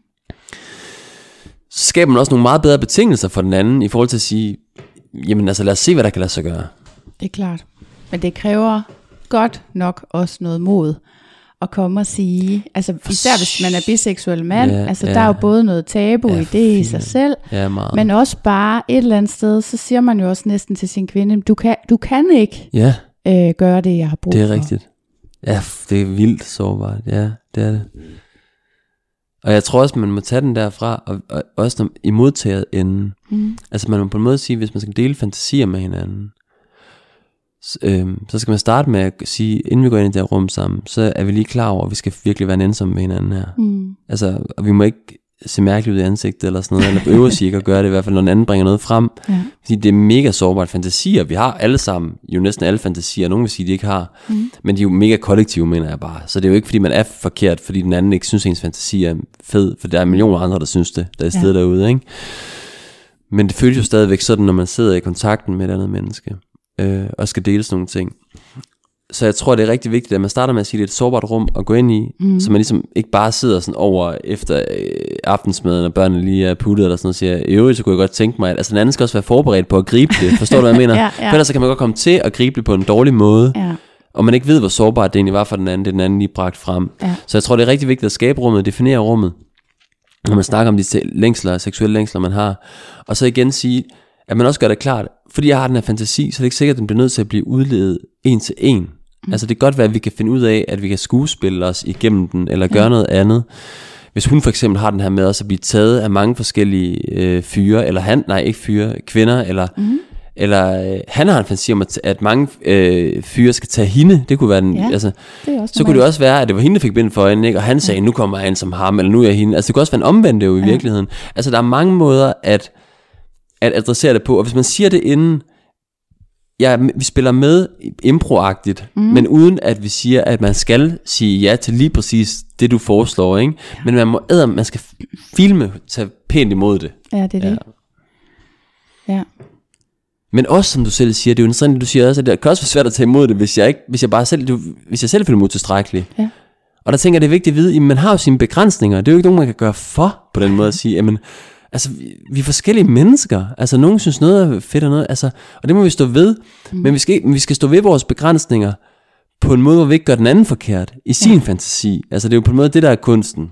Ja, ja jamen, fordi det er jo bare, jeg tror, det er rigtig, altså, den er jo, mm, hvis man ser på det opfra, så, så er den jo bare ikke længere, end at en kvinde kan ikke også være en mand. Altså, man kan Ja, ikke, man både- kan ikke øh, hvis, han, hvis han gerne vil være sammen med en anden mand, så det kan man jo ikke. Det kan godt Både- være, at man kan lave et fantasirum, hvor man du kan, kan, lave meget, det, du kan lave meget med fantasirummet, Men- det kan du, ja. men altså, den der utilstrækkelighedsfølelse, tænker jeg i hvert fald på en eller anden måde er svær at slippe ud af. Ja. Og det kan også være, at han skal prøve det for at finde ud af at blive... Nogle gange så skal man også blive midt i en fantasi. Altså der er nogle gange noget med, at man har hinanden kørende, der bare kører ind Mm. i hovedet. Og så kan det også være, at man prøver det, og så kan man mærke, at man bliver midt. Og så er det sådan, Ja. det var egentlig det. Altså det kan også godt være, at nogen har brug for det. Men jeg synes bare, man skylder sig selv at prøve fantasirummet af, Mm. før man ligesom udlever. Og hvordan, lad os så sige, så kommer man dertil, nu skal man til at lege mm. trekant, og manden han ligger der med maske på, Mm. og altså øjnene, og så øh, er man så både øh, Johanne og Susanne, eller hvad ved jeg, ikke? Jo. Hvad? Jeg tænker bare, det kan hurtigt blive lidt akavet. Mm. Ja. Altså, hvordan, hvordan sikrer man, at man kan skuespille den der på en måde, sådan at, at det ikke bare bliver... Altså, det er ikke fordi, jeg synes jo, jeg ved jo ikke noget bedre end at grine under sex. Altså, Nej. jeg synes det er vidunderligt, når man kan have det sådan lejende og, Ja. og grine sammen, men samtidig, hvis det er meget sårbart, ja. ikke? Og nu har vi købt en strap-on, fordi ja. uh, han måske skal bruge den på ham senere, ja. ikke? Og puh, jeg ved jeg faktisk ikke, om det var min grænse, jeg ved heller ikke, om det var hans grænse, og altså, hvordan, hvordan, øh, hvordan kan man så, ja, lege det? Ja. Altså, ja, det er jo, det er jo altså, måske en forkert at spørge, ikke? for jeg tænker bare, gør det bare, mand, eller sådan fyr den af, og så ja. Ja. se, hvad der sker, og så lad være med at tage det så tungt, når det så går galt, altså, eller forvent det går galt, forvent det går galt 100 gange, sig det til hinanden, selvfølgelig går det her galt. Du kommer til at gøre det et sted, hvor jeg synes, det er mærkeligt, jeg kommer til at synes, det er mærkeligt at spille hende der, eller sådan noget, ikke? for det gør jeg ikke normalt, eller, og, og grin, som du selv siger, er det undervejs, uden at tænke, at det er en fiasko, er det mm. griner af det, altså, og, øhm, og så, og så tænker jeg igen, jamen, lad være med at gøre det så alvorligt. Det, sådan, det skal være rigtigt i sådan en eller anden fantasi. Ikke? Eller prøv bare at lade være, altså, tag det lidt løst og let. Ja. Og, så, og hvis det så bliver enormt, så tænker jeg også det der med, hvis man så mærker, wow, og det er så det vigtige for mig, at man bliver såret undervejs, eller bliver følelsesladet, eller hvad det er, mm. at man så også har et sprog for det. Jeg plejer nogle gange at snakke om det, er en inspiration, jeg har fra faktisk øh, det her tantra-kursus mm. også, min Niel Fasting, som underviser os der. Hun bruger sådan tre forskellige niveauer. Hun siger, at der er et sort niveau, som hele det seksuelle fantasiniveau, mm. der kører med os. Og så er der et rødt niveau, som er et mere hjerteagtigt, hvor vi mærker, at vi bliver såret, og vi er forelsket og elsker, og alt det der. Mm. Og det hun ligesom har inspireret os til, det er, at når det sker nogle gange, når vi for eksempel siger, nu leger vi det sorte niveau, nu er jeg et eller andet, ikke? og du er ham eller hende, eller mm. bum bum bum, og vi er nogle andre, end vi er, og vi kører løs med et eller andet, bam bam bam, i det seksuelle, så kan det jo lige pludselig godt være, at man sådan tænker, åh, oh, nej, jeg er ikke god nok, eller jeg gør det forkert, eller nu synes du også, det er for meget, eller jeg føler mig dum, eller mm. hvad der sker. Så siger man højt, hov, jeg er lige det røde nu. Altså mm. det røde niveau, ikke? Altså Ja. man skifter på en måde setting. Og så siger den anden, åh, kom lige her. Og så får man lige en krammer, ikke? Og så sidder man der og krammer lidt sammen og siger, ved du hvad, det er helt okay, og vi gør det fint. Og så synes du det, jeg jeg føler mig overhovedet ikke, jeg spiller det rollen godt nok, hvad du er, ikke? ved du hvad, du gør det så godt du kan, ikke? Og så kan man ligesom, kan vi prøve igen? Ja, ikke lige nu, kan vi ikke lægge lidt? Jo, det kan vi godt, ikke? Og så lægger man lidt, og så prøver man måske igen. Nu prøver vi det sorte igen. Mm. Men det er mere som, at man har det sprog for det, forstår du, hvad jeg mener? Ja, der er i virkeligheden meget af det her, der handler om at kunne, kunne tale om ting på en eller anden måde. ja. Shit, mand. Men også at have et sprog at tale med. Ja, præcis. Altså det der med at sige, nu er jeg i det røde, det er når ja. jeg bliver såret, ikke? og så, tager vi, så drager vi omsorg for det, mm. så jeg kan gå ned igen i det sorte Ja. niveau. Ja. Ja. ja. Jeg har sådan et spørgsmål, der på en måde er lidt ude af kontekst. Mm-hmm. Men alligevel så er det meget vigtigt for mig i øjeblikket, og så fik jeg den også lige her i formiddag, da jeg spurgte mine følgere på Instagram, om de havde nogle spørgsmål til dig. Mm. Og det er, hvor meget skal man egentlig fortælle sine børn? Ingenting. Er min sådan intuitive. Mm. Ja. Altså, hvad, prøv, hvad, hvad tænker du på? Hvad, eller hvad, hvad forestiller man? Eller hvad forestiller Min søn han spørger for eksempel samtidig, ja. hvad jeg skal, Nå, når, når du jeg skal ud. mødes med min partner. ikke? Så mm. jeg skal i svingerklub, det siger mm. jeg faktisk ikke. Nej, Jeg siger lige, jeg skal i byen med nogle venner eller et eller andet, ikke? ja. Øhm, Ja, det synes jeg er fint. Altså, jeg synes ikke, at ens børn har noget som helst krav på at høre om ens øh, privat øh, sexliv. men så er det jo en hemmelighed. Det, og det synes jeg er en helt fin hemmelighed at have for sine børn. Okay. Altså jeg har mange hemmeligheder for mine børn, jeg ikke, altså med Ja. ja. min kone, som jeg synes, de skal være en del af. Ja. Altså hvor jeg ikke ser, hvad de, hvad de skal have ud af at dele altså hvad de skal ud af at høre om det. Ja. ja. Jeg tænker, at, øhm, at man, hvis man har mange forskellige mænd eller kvinder rendende ind og ud af huset, Ja, for eksempel, det kunne man også øhm, have. det kunne man jo have, så synes jeg, at børnene, altså på en måde, så synes jeg godt, man kan sige til dem, jamen det er rigtigt, mor har mange forskellige kærester. Sådan vil jeg, tror jeg, hvis jeg var et barn, det vil jeg kunne forstå på en eller anden måde, ikke? Eller sådan, og måske synes, er, er det lidt forvirrende for dig, vil jeg så spørge en barn, at jeg har mange forskellige kærester. Mm. Jamen hvorfor har du ikke bare én kæreste, Ja. ja. ikke? Jamen det er fordi, der er rigtig mange mor godt kan lide, vil jeg så sige, eller far godt kan lide, ikke? Eller sådan, forstår du? Bare sådan øh, løst. Ja. Øhm, og det tror jeg ikke, det er jo ikke så mærkeligt for børn, for børn kender jo godt det der med, de har garanteret også flere kærester, og nogle af dem over i børne. Altså det har man jo som barn, ved man jo Ja. godt, der er man jo meget polyamorøs i Ja. virkeligheden. Ja. Så jeg tror ikke, det synes jeg, jeg tror ikke er så mærkeligt for dem, så jeg vil mere være på, de har krav på at vide noget om det, det de ser. Altså, Mhm. mm. når, hvis de ser mange komme rendende ind og ud, mm. så synes jeg, man har krav på at fortælle dem. Ikke hvad man nødvendigvis laver med dem. Altså, det synes jeg ikke, man skal. Men det er fordi, er mine forskellige kærester, jeg har. Okay. Det er nogle, jeg kysser lidt på, kunne man også sige. Ja. Ikke? Altså, de her forskellige. Hvis de så spørger, også sex med dem, hvis de så er gamle nok? Mm. Ja, det har jeg faktisk også. Så vil jeg sige det på den måde. Mm. Det vil jeg ikke være så bange for. Og hvad så med far? Og hvad så med far? Jamen han har også sex med andre, hvis han så har det, ikke? Ja. Altså det må jo så, altså det må jo være, eller det må du spørge, nej, det vil jeg ikke sige, så vil jeg sige, det må du spørge, det må du snakke med far om, ja. for det må han jo selv finde ud af, hvad han vil fortælle, det er jo ja. ikke din opgave at sidde og afsløre hans hemmeligheder, Nej. men det, det, vil jeg sige, det må du snakke med far om. Så hvor går grænsen? Altså nu, ja, Ja. Nej, jeg vil sige til ham, far ved det godt jo, det vil jeg sige til Ja. ja. ham, far ved godt, det er sådan her. Det er Ja. ikke en hemmelighed over for far, så du skal ikke være bange for, at det er en hemmelighed mellem os to nu. Far ved godt, at jeg har mange kærester, Ja. og at jeg kysser med mange forskellige. ja. Ja. Så hvor, hvor går grænsen der mellem, hvad man egentlig skal fortælle sine børn og ikke? Er det det, hvad de spørger om, eller hvad? Det er sådan Jamen lidt, jeg synes, hører dig. ja, jeg vil ikke, altså, hvad laver du, når du er afsted? Jamen så vil jeg igen sige, jamen jeg er ude og kysse på nogle forskellige, hvis det er det, man har lyst til at sige, det synes jeg også er fint. Jeg tror ikke, jeg har lyst til at sige, jeg, synes, jeg har heller ikke været bange for at sige egentlig, jamen jeg tror, fordi det stadigvæk er så, altså øh, et eller andet sted, mange børn, nu er det noget, jeg finder på lige nu og her, kan man sige, der med svinger også, for hvad gør man lige der? Men det er jo fordi, det stadigvæk er relativt, mener, altså uden for normalen, Ja. ja. altså at gøre det. Så jeg tror, at et barn hurtigt ville kunne komme til at tænke, hvis man sagde til barnet, jeg tager ud og har sex med rigtig mange forskellige mennesker, for eksempel, mm. så vil de hurtigt komme til at tænke, blive meget forvirret over det på en eller anden måde, at tænke, jamen er det kun min mor eller far, der gør det, eller forstår du? Ja. Så måske føle, at de skulle have en hemmelighed over for andre derhenne, og måske blive drillet, hvis de sagde det, eller sådan. Der vil være alt muligt, det, jeg, jeg, vil ikke have, jeg ikke vil have lyst til, at de skulle sættes, sættes ud i. Mm. Så derfor vil jeg ikke sige det. Derfor vil jeg bare sige, at jeg skulle ud i, jeg skulle i byen og mødes med nogle venner. Det er jo også rigtigt. Mm. Altså, jeg mener, man skal stadig bevæge sig tæt på virkeligheden. Og det er jo ja. virkeligheden. Jeg skal ud i byen og mødes med nogle venner. Hvad skal I sammen? Det, jeg skal bare hygge mig med dem. Ja. Hvad skal I lave? Jamen, det har du ikke krav på at vide. Det vil jeg ikke. Det er der meget, men det vil jeg ikke. Det synes jeg på ingen måde børn har brug for at vide. Nej. Altså, Altså, jeg vil lige sige, der er jo masser af tid i sådan en svingerklub, der går med at snakke. præcis. Ja, det er det. Det er jo ikke, det er jo ikke. Præcis. Så Mm. det er jo det, det er jo også det, jeg har sagt. Sådan noget. Vi får lige nogle drinks, eller, Ja.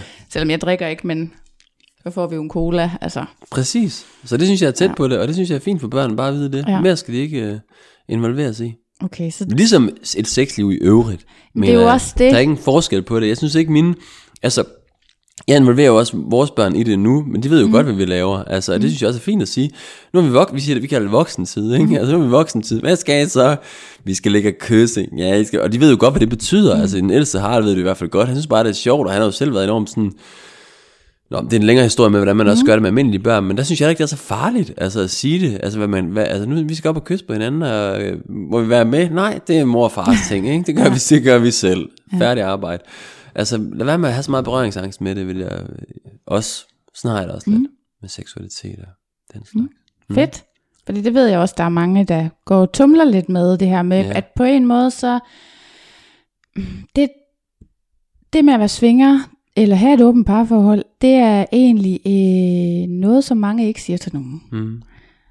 Og samtidig så kan man godt have et behov for at sige det, fordi man kommer til at føle, at man går midt i sådan et liv fyldt med en masse hemmeligheder. Ja. Og der er en masse ting, man ikke kan fortælle. Og for mig har det været ekstremt befriende at bare sige det. Ja. Nu hvor jeg har podcasten, så behøver jeg ikke længere at skal finde på øh, løgnene, når nogen spørger, hvad lavede du i går, eller hvor var du hen i lørdags. Nej. Så kan jeg bare sige det, som det er. Ja, ikke? fedt. Jeg var lige i svingerklub. Ja. Og det synes jeg er fedt. Ja. Det er ekstremt befriende. Ja, det kan jeg godt forstå. Og du er jo med til at gøre det for rigtig mange andre. Bare det, du laver podcasten og selv stiller dig frem og siger det, så skaber du et større rum for, at andre kan gøre det samme. Det er da min plan. Det tror jeg da helt er overbevist om. Men hvorfor er det? Altså, hvorfor er det, at det betyder så meget? Hvorfor kan man ikke bare have et liv fuldt af hemmeligheder? Hvorfor er det, hvad betyder meget? At man kan sige sandheden til folk. Altså, hvorfor er det, at jeg føler mig så uendeligt meget mere fri, at det faktisk er mm. jo, det er jo noget, jeg gør på trods Ja. af, at det er jo ikke alle, der synes, det er helt vidunderligt, at jeg laver den podcast. For eksempel min søn mm. er okay med det, men han ja. synes måske ikke, det er super nice. Nej. Men jeg tror bare igen, at... Øhm, pff, altså, der er så meget skam omkring det jo for rigtig mange mennesker, og det er jo det, det, er jo det du bryder med på en måde. Det er den der skam omkring det, ved at stille dig frem og sige, nej, det er det, jeg gør, det kan jeg godt lide at gøre. Og det tror jeg er... Og det er jo det, rigtig mange føler, og det føler de også af en grund, den skam. Det er jo fordi, der er rigtig mange, der sk- udskammer det, Ja. at man gør det, og hvorfor gør man så det, kan man spørge. Det er jo fordi folk selv begynder at sidde og tænke, jamen er der sådan noget i vejen med os, fordi vi ikke gør det, ikke? Og når ja. folk begynder at tænke det, så skammer de så folk ud. Det er jo den der klassiske ja. Mekanisme, ikke? Ja. At der er rigtig mange, der går og føler sig selv utilstrækkelige, eller føler sig forkerte i deres eget forhold, eller føler, at der er et nyt pres på dem om, så skal de være svinger, ikke? Fordi ja. andre er det, og så kommer der sådan nogle dårlige mekanismer ud af det. Men, øhm, men jeg tror, det er derfor, det er så, hemmeligheder er ikke i sig selv et problem, men det er jo et problem, når det føles skamfuldt på en måde, det man gør, og det er derfor, man holder det hemmeligt for andre. Altså ja. Det synes jeg, det er jo, i forhold til børn, som jeg sagde før, så er det ikke, fordi man skammer sig over det, så er det Nej. bare, fordi det er en dårlig idé. Altså ja. kan man sige, at øhm, jeg siger alt muligt til dem om det, altså konkret, hvad der sker. Så, mm. så det, jeg tror, det er derfor, det er skam. Og det, og det bliver der heldigvis mindre og mindre af, tror jeg, når folk som dig går ud og laver sådan noget her, og øh, gør det ligesom mere sådan, jamen hallo, det er jo, hvad det er. Eller sådan. Ja. ja. Tør at stå ved det. Ja. Yes. Er der nogen er der nogle dilemmaer eller problemstillinger, der sådan ligesom er anderledes, som man har et åbent eller et lukket forhold? Har du tænkt over det? Eller er det mest mig, der går og tænker på forskellen hele tiden? Det tror jeg da helt klart, der er. Altså jeg vil, Mhm. nu prøver bare, hvis jeg selv skal sætte mig ind i det, altså at være i det, så vil der da være nogle andre. Der vil være en, øhm, altså jeg vil personligt hele tiden have et andet, sådan, altså der vil være et andet kontrolbehov, eller hvad man siger, hvis jeg havde i, altså et åbent forhold, ikke? Altså jeg vil have en anden form for, der vil hele tiden køre sådan nogle andre øh, sammenligningsspor, tror jeg, op i min hjerne, end der, end der gør nu. Altså, er, er jeg god nok, eller hvad med ham, du var sammen med der, eller sådan noget, ikke? Var det, synes du, det var federe, end det der, vi har sammen, og, øhm, og det kører der jo allerede på en eller anden måde, også i et lukket forhold, men det, det vil være noget, der kørte meget op i, op i mit hoved. Der vil selvfølgelig være noget andet, der ikke vil være der. Det er jo igen, det er pros and cons, ikke? Så vil der være mindre frustration måske over, at der var nogle fantasier, der ikke blev udlevet, eller mm. der var nogle en side af mig selv, der sådan blev holdt i skak.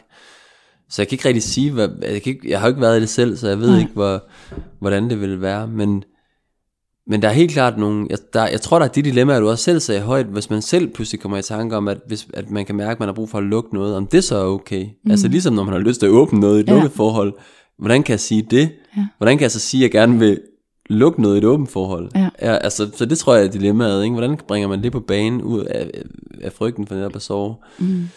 sove den anden? Og, og, så, og så ved jeg ikke, øhm, nej, det tror jeg bare, Men jeg tænker også på, om der er forskel på, hvorfor folk henvender sig, når de skal i terapi. Altså, Ja. ja. er det de samme problemstillinger, de har, eller er det noget helt andet?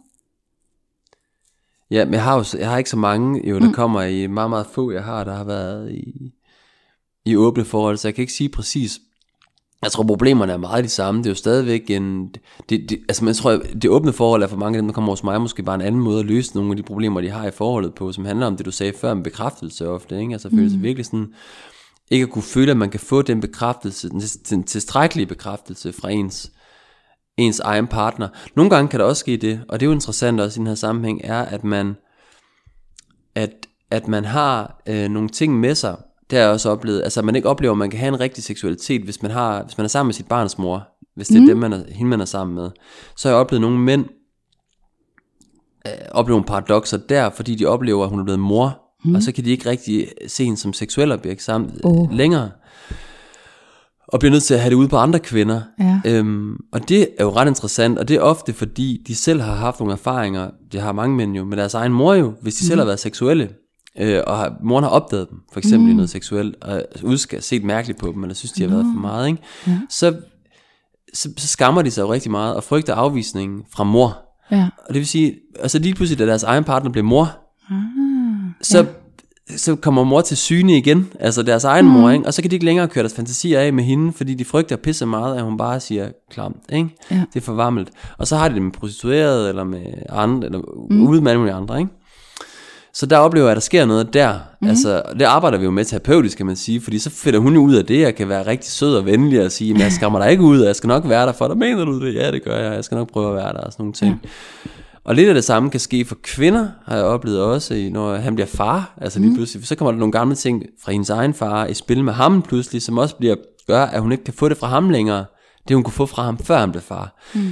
Så der sker noget der, når vi bliver forældre, har jeg oplevet. Øhm, som jeg ikke ved, var, om, var et, om var et svar på de spørgsmål. Men der oplever jeg helt klart, at der er noget, noget, noget, noget på spil, i hvert fald, som, som jeg nogle gange oplever, man kan springe sådan lidt, altså hvor, hvor man aldrig rigtig, hvor, hvor man i et åbne forhold, så bliver enige om, vi, vi får det der uden for os selv. Forstår du, hvad jeg mener? Ja.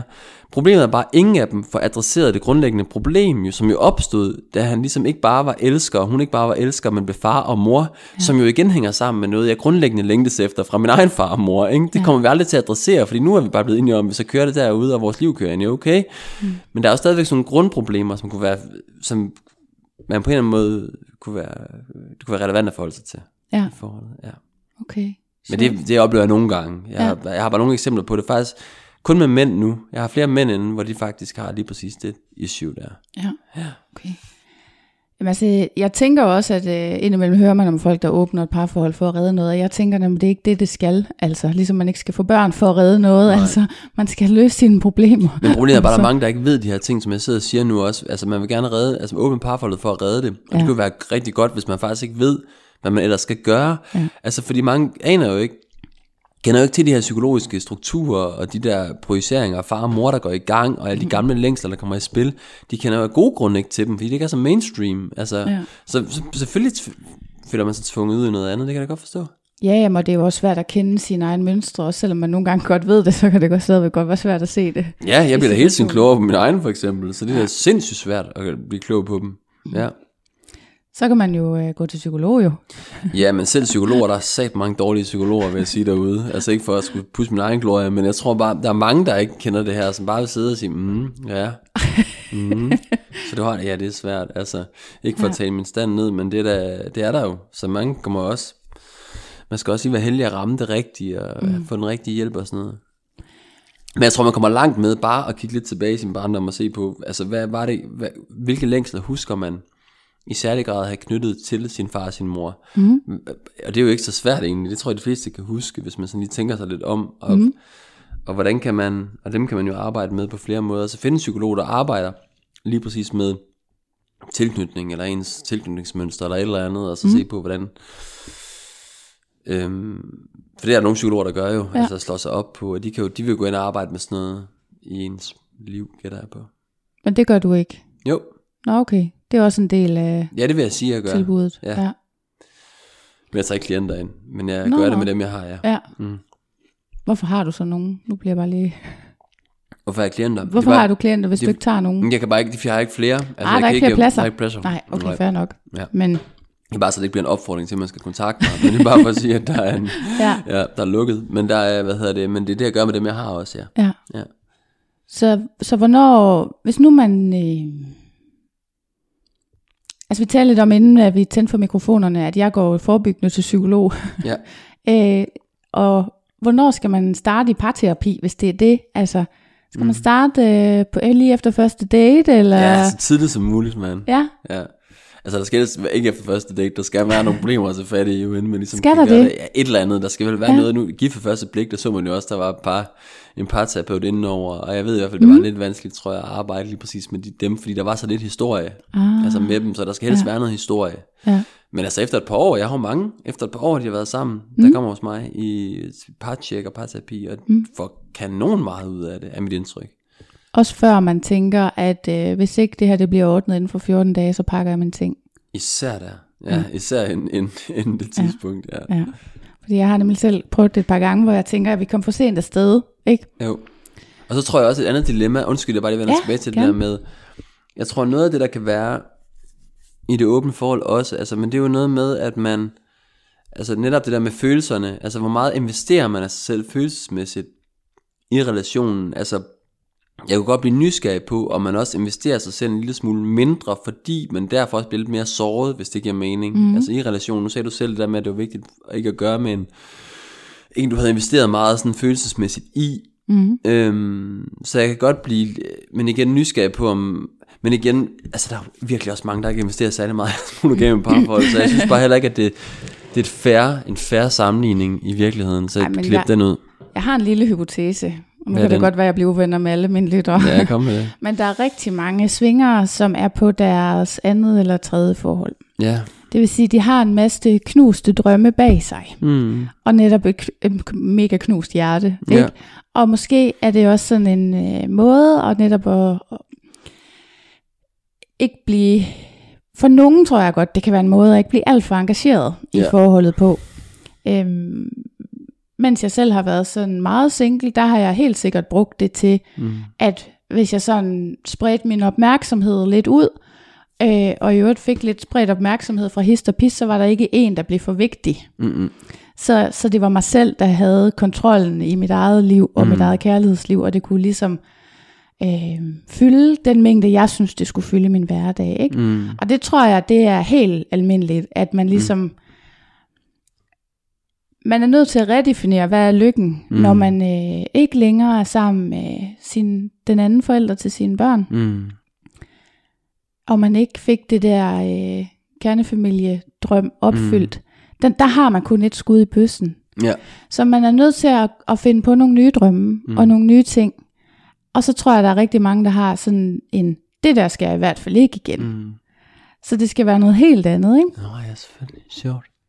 Øh, men det er bare en lille hypotese. Men det giver sindssygt god mening. Jamen, det kender jeg jo godt. Altså det der med kernefamiliedrømmen, der sådan går i opløsning, ikke? Og hvor Ja. kæmpe sorg det er for mange, ikke? Og det kunne ikke lykkes. Og, og det var for bøvlet. Og det du så siger samtidig, det er også, at den drøm, hvis den ligesom bliver knust, så tænker man, det skal jeg i hvert fald ikke. Altså jeg skal ikke over i den samme ligusterhæk-agtige boldgade. Jeg vil gerne prøve noget helt andet, hvor jeg faktisk... Det er der jo mange, hører også kvinder, der siger, det er jo faktisk sjovt, du lige siger det. Mhm. Altså, for jeg hører mange kvinder, der sådan siger, efter de er kommet ud af sådan længere forhold, nu kan de mærke dem selv igen, og deres seksualitet og lysten. Og, og det kan jeg godt forstå, faktisk også kunne give anledning til, at nu skal jeg med bare, altså nu skal jeg fyre den af, ikke? for jeg er faktisk træt af, nu ser jeg det der skuffede ansigt derhjemme, der bare vil have mere hele tiden, og det forventningspres, jeg snakkede om før, ikke? og jeg, det gider jeg virkelig ikke have mere, nu vil jeg virkelig være fri, en fri fugl, ikke? Ja. og det, kan, det er jo den positive side af den der sag der, ikke? Altså, men det kunne også være spændende, om man kunne føre noget af den der energi, tænker jeg bare, ind i et fast forhold også, den der med, jeg skal ikke være låst i det her, vi er nødt til at kunne være frie sammen, ikke? og det er der, hvor jeg har måske sådan lidt en bred definition af, hvad et åbent forhold er. Altså for eksempel min kone og mig, vi snakker jo meget om mennesker, det, det kom mm. vi til. Altså nogle folk bliver tiltrukket af, ikke? Og kæft, han var lækker ham der, eller ej, hun var så skøn og lækker hende der. Altså at snakke om sådan nogle ting, og kan dele fantasier og sådan nogle ting med hinanden. Mm. Og det har jo været en åbning af vores ja. forhold, altså at gøre det på den der måde. Men vi har også en fælles overenskomst om, at vi bliver nødt til at være glade i vores forhold. Vi skal begge to vi, vi, vi hinandens hjælpere, altså vi kan ikke bare se til, at den anden ikke er glad, vi skal virkelig hjælpe hinanden mm. med de behov, der nogle gange er. Øhm, og det kunne, altså den form for frihed og ambition om at være glad og fri i forholdet, og lystfuld i forholdet, altså som mange oplever, når de faktisk bliver fri fra det forhold der. altså, man kunne trække vejret, det bliver ja. vi også nødt til at kunne finde nogle veje ind i vores faste forhold. Det kunne ja. jeg i hvert fald ønske mig, at vi blev bedre til, fordi der er virkelig mange, der ikke, øh, der mangler redskaberne til Ja. at, at være viljen måske også. Ja, og jeg tænker også, at man accepterer jo langt hen ad vejen de der sådan Nå, men så gik der lige øh, et år, så havde man ikke så meget lyst til sex mere, eller så var man ikke så opmærksom længere. Altså jeg kan godt sige dig, Præcis. når ens partner siger, prøv jeg prøver lige at skrive til Sofie herover, fordi at, øh, jeg gad faktisk godt på en date med hende. Ja. Så får man ordnet håret, det kan jeg godt sige dig. Jamen altså, Men det er sjovt, det der egentlig også, fordi det har jeg også lagt mærke til. Det er rigtigt nok. Det der med at introducere andre, det kan på en måde enten, det kan jo give rigtig meget lyst ind i forholdet, mm, også. Og, men det afhænger også af, hvor man er henne, fordi enten giver det bare rigtig meget lyst, eller også så giver det så meget usikkerhed, at man ja. Slet ikke kan mærke sin egen lyst. Ja. Men det er faktisk sjovt, for jeg har set begge ting, ja, altså ja. ske egentlig rigtig tit.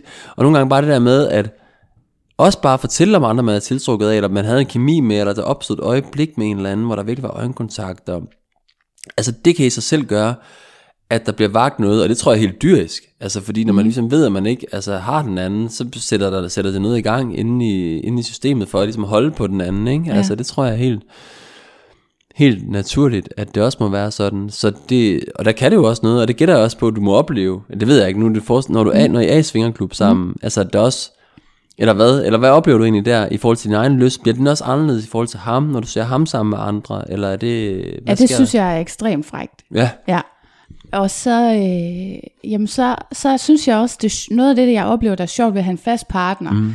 det er også, at vi, øh, det der med nogle gange at score igennem hinanden. Der er også noget i det der med, ja. at man stadigvæk har den der single-del, der hedder at score andre mennesker. Ikke? jo, Det er jo ekstremt bekræftende, og det er helt vildt dejligt og spændende og sjovt, mm. men at gøre det sammen, ja, det giver jo også noget samhørighed, og samtidig så synes jeg også, jeg elsker også den der med, så står vi lige i baren eller et eller andet, og så skal jeg lige ud og tisse, og så siger jeg, prøv lige at, prøv, kan du ikke lige sende nogle øjne til hende derovre? Jeg tror, jeg synes, hun har kigget lidt efter dig, og sådan noget. så kan vi lige, jeg synes, synes, de er et flot par, eller ja, sådan et eller andet, ikke? Så. Og det med lidt også at sende hinanden i byen, ja, Øh, og andre gange har jeg prøvet, at jeg altså selv har opsøgt nogen, mm. og især så, jeg bliver mega stolt, hvis jeg kan score piger til. ja, Fordi der er et eller andet ved, ja. at øh, den der bekræftelse fra ens eget køn, mm. på en eller anden måde, mm. den er næsten finere. Det har alle dage syntes, også mm. før jeg overhovedet havde erfaringer med andre kvinder, at jeg, mm. hvis der var en kvinde, der lagde an på mig, det var så stort. Ja. altså, Ja. Jeg ved ikke hvorfor. Så det der, at man også sådan gør nogle ting igennem hinanden, ja, øh, og at man gør det sammen, det synes jeg øh, wow. giver en masse energi. Ja, Ja. det kan jeg sagtens se for mig. Ja. Det er jo en stor ting. ting. Det er Ja. jo en kæmpe stor ting at kunne det med hinanden. Og der er en stor... Der er helt klart noget ind. Der er noget... Der er jo ikke noget ego eller noget, der så slipper i hvert fald. Eller noget, noget sådan ejerfornemmelse, eller sådan, som vi jo alle sammen har, skulle jeg til at sige, mm. også gennem bare forhold over hinanden, ikke? Altså, som, som slipper taget i jer jo. Altså, det er da klart. Det må man jo, altså, ja. Siden man kan lade det... Ja, det, det tror jeg. Og der findes ikke ret meget bedre end den der helt oprigtige, jamen du gør bare, hvad du vil. Altså Nej. Virkelig at sætte hinanden fri. Men den er også svær, og det er heller Ja. ikke altid, den er, hvad kan man sige, 100% oprigtig. Altså usikkerheden mm. ligger jo altid et eller andet sted nedenunder, ikke? Jo, Men, men jeg, Jeg kunne i hvert fald forestille mig, nu, hvis jeg bare lige tænker mig. Ja. ind i det nu, jeg er helt sikker på, at der vil være noget super fræk for mig fra sådan et dyrt sted i at sætte Vibeke fri, eller sådan Mhm. se hende også. Men jeg kan også godt, jeg kan mærke, at det vil være mega frækt, og jeg har sådan en forestilling om, at efter jeg fik udløsningen, eller selv fik Mhm. den, hvis jeg, hvis jeg fik den, så ville der på en måde være sådan en følelsesmæssig omkostning for mig i det, eller jeg vil sådan tænke bagefter, altså når jeg ikke længere var styret af mit instinkt, eller sådan Mhm. noget, som helt klart ville have det, så ville jeg bagefter sådan komme i ta- kontakt med sådan, åh, shit mand, eller var han egentlig mega, vil du hellere have ham? Jeg forstår, hvad jeg mener, sådan en, der, der, vil, der vil komme et efterspil på en eller anden måde. ja, men der skal du huske, at der har du jo hende i armene. Nå, ja. Altså, øhm, og det, for mig er det vigtigt med min partner, at vi slutter sammen. Vi ja. slutter aftenen sammen, ikke? Ja. Så, så man kan sige, du, en ting er, at du deler ud af hende, mm. og du er måske lidt stolt af at mm. øh, holde dig op, og han er, mm. han er godt nok meget tilfreds med min kone, og siger, hvad hun kan og sådan nogle ting. Ja. Men det er dig, hun, kom, hun søger ind til, Ja. ikke? Det, hun gider ikke at ligge og putte med ham bagefter. nej. Altså han kan få en cola og en mm. krammer og tak for nu og sådan ja. noget, men det er jo dig, hun tager hjem med. Ja, ja, ja, ja, ja. Og det, det er den der... Øh, altså det ved jeg ikke, det synes jeg bare er noget rigtig, rigtig særligt. Det at jeg ved, at det er, er mig, han Ja, egentlig gerne vil have, og det er ligegyldigt, om vi så i praksis kører hjem sammen. ja. Men det, at vi sådan, ja, har en aftale om at være primære partner, ikke? Men det er sjovt, for der spekulerer jeg på, også om der er forskel på mænd og kvinder ind i det der, ikke? Fordi at, øhm, altså, fordi jeg kunne, altså, jeg kan huske, at jeg gik i folkeskolen, tror jeg det var, mm. ikke? Der var det der med, der var jo de der, der var de der mænd, som, som jeg faktisk var en del af, som kvinderne gerne vil være venner med, ikke? Altså ham den søde fyr, ikke? Eller sådan noget, ja. ej, der vil vi gerne være venner med. Så er de der bad boys, ikke? Mm. De der, som de absolut ikke være, vil være venner med. De kan ikke knalde dem, men de vil ikke være venner med dem, ikke? Mm. Altså sådan, og jeg kan bare huske, at det føltes 10 gange, øh, altså vi venner, os der bare var drengevennerne, ikke? Vi ville 10 gange hellere være de der bad boys, ikke? Vi ville 10 gange hellere knippe de der kvinder. Mm. Og problemet var, at det føltes, altså på en måde, så var det, de sagde til os, de der kvinder, og det var jo, du er meget sød, men øh, din øh, slægt skal ikke have lov, lov til at overleve her i verden. Ikke? Altså på en eller anden måde, så var det Ja. et signal, der på en måde blev sendt, fordi de ikke ville have sex med os jo. Ja. Bad boysene er det jo sådan lidt, vi kan ikke lide jer, men jeres slægt skal helt klart have lov til at overleve generation efter generation i verden. Ikke? Det var på den måde den følelse, den kunne ikke sætte ord på dengang, men det er den, den følelse, man sidder med. Så jeg tror også, jeg ville være bange for, selvom hun ville komme over til mig. Ikke? Altså, hvis hun lige var blevet virkelig knippet af en eller anden, ikke? og virkelig, havde virkelig været dejligt, og ah, hun virkelig, så tror jeg stadig, jeg ville få den der, komme tilbage til den der vennefølelse, drengen, ikke? At du Ja. gerne vil min bedste ven, ikke? Men virkelig ham der, du gerne vil, gerne vil have, ikke? Og jeg, Ja. ja. jeg, jeg, er bange for, at jeg vil sætte for meget på spil, altså ind i det. Men prøv at tænke, at det er noget, du giver hende.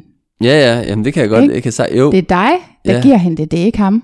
nej, Fordi du giver hende jo friheden ja, til det. ja.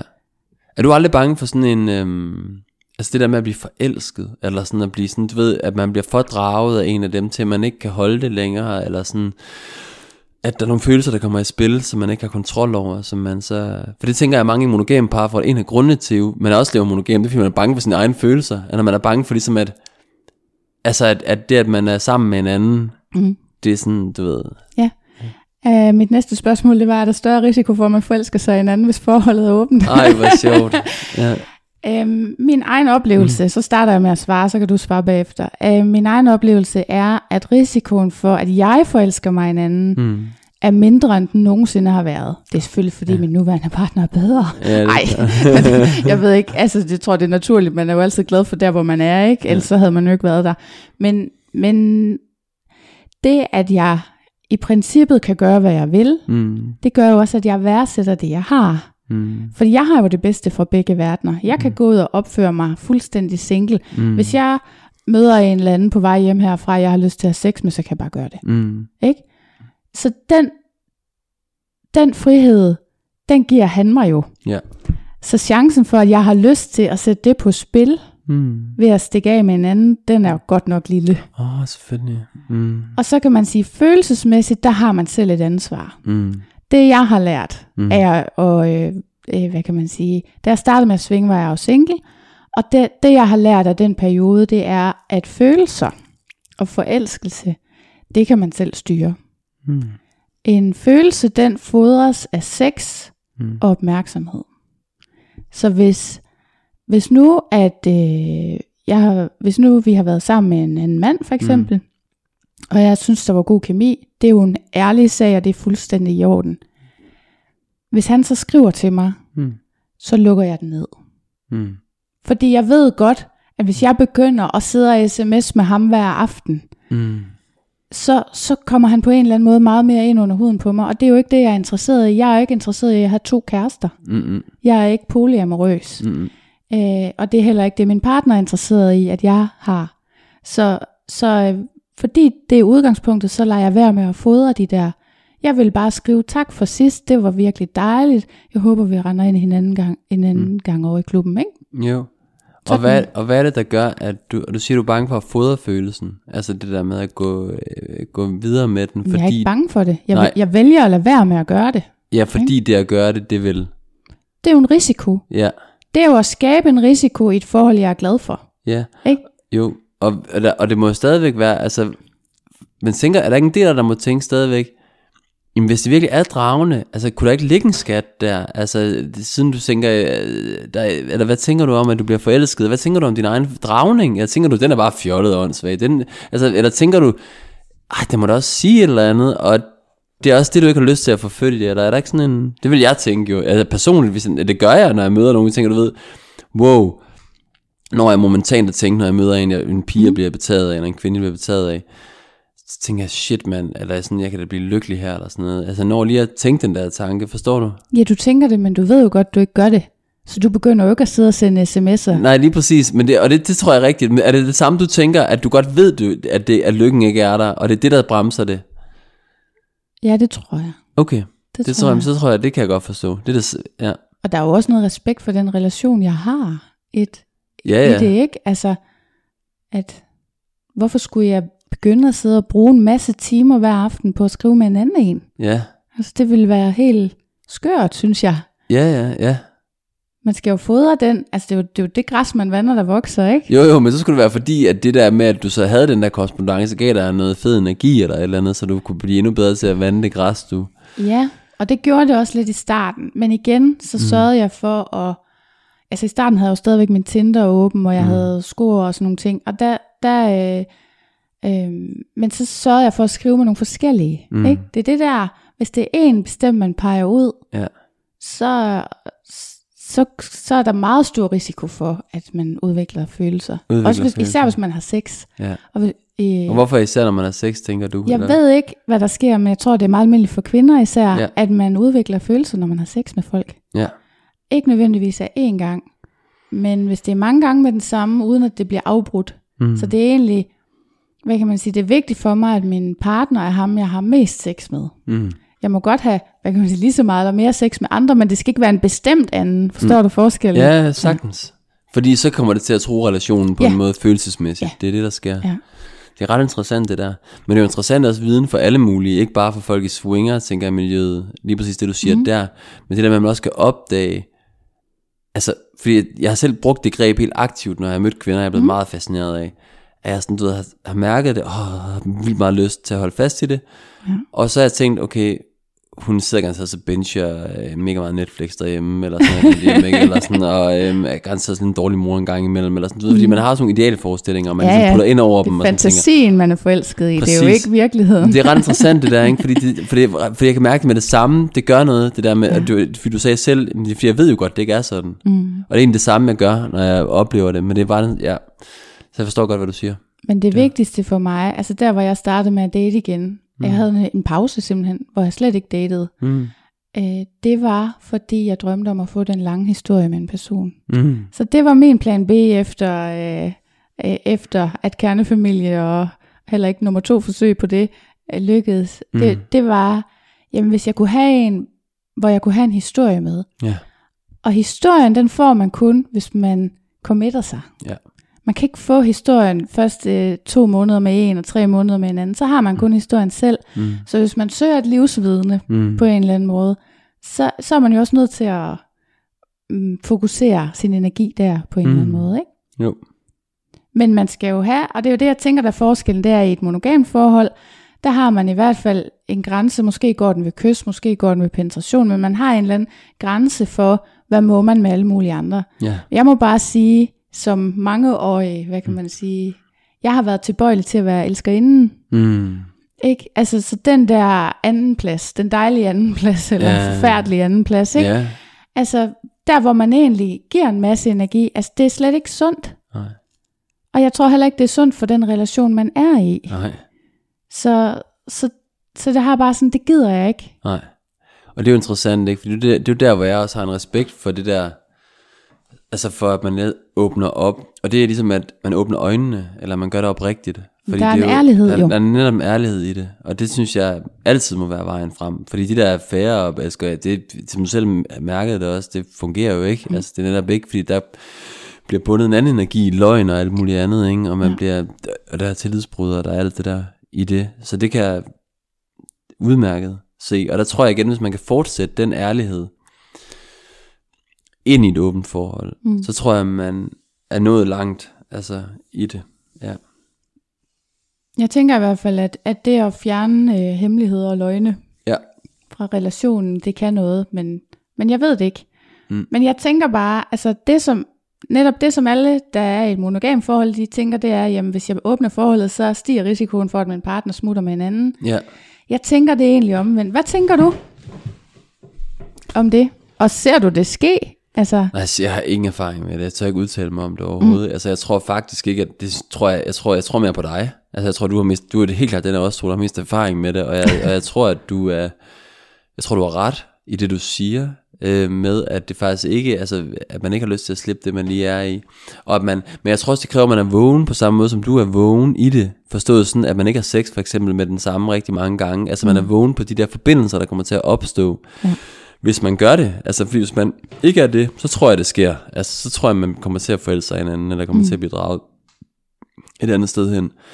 Og så tror jeg også, at der er jo en kæmpe risiko i monogame forhold jo, lige præcis fordi, hvis man ikke mærker den bekræftelse der, man ikke Mm. mærker alt det der, ikke? og man faktisk går og savner det helt vildt meget fra sin partner, og lige pludselig kommer en eller anden øh, kollega hen fra jobbet, ikke? som Ja. ja. kigger på en med helt nye øjne, ikke? og ej, du er så dejlig, og, og så føler man sig pludselig så klog, og så smuk, og så alt muligt, ikke? så man bare ikke har følt sig i 100 år sammen med sin egen kæreste, og så sker der noget interessant, ikke? fordi mm. det der sker med en selv, når man bliver set på med de øjne, så liver man lige pludselig op og sender nogle vanvittige øjne tilbage til den der kollega igen. Ja.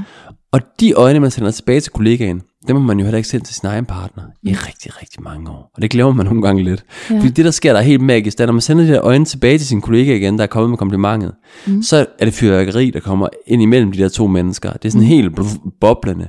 Og så kan der ske en hel masse fedt i den der synergi derovre, mm. som nogle gange udvikler sig til sex på et eller andet, altså på kontoret, eller hvor det nu er henne. Ja.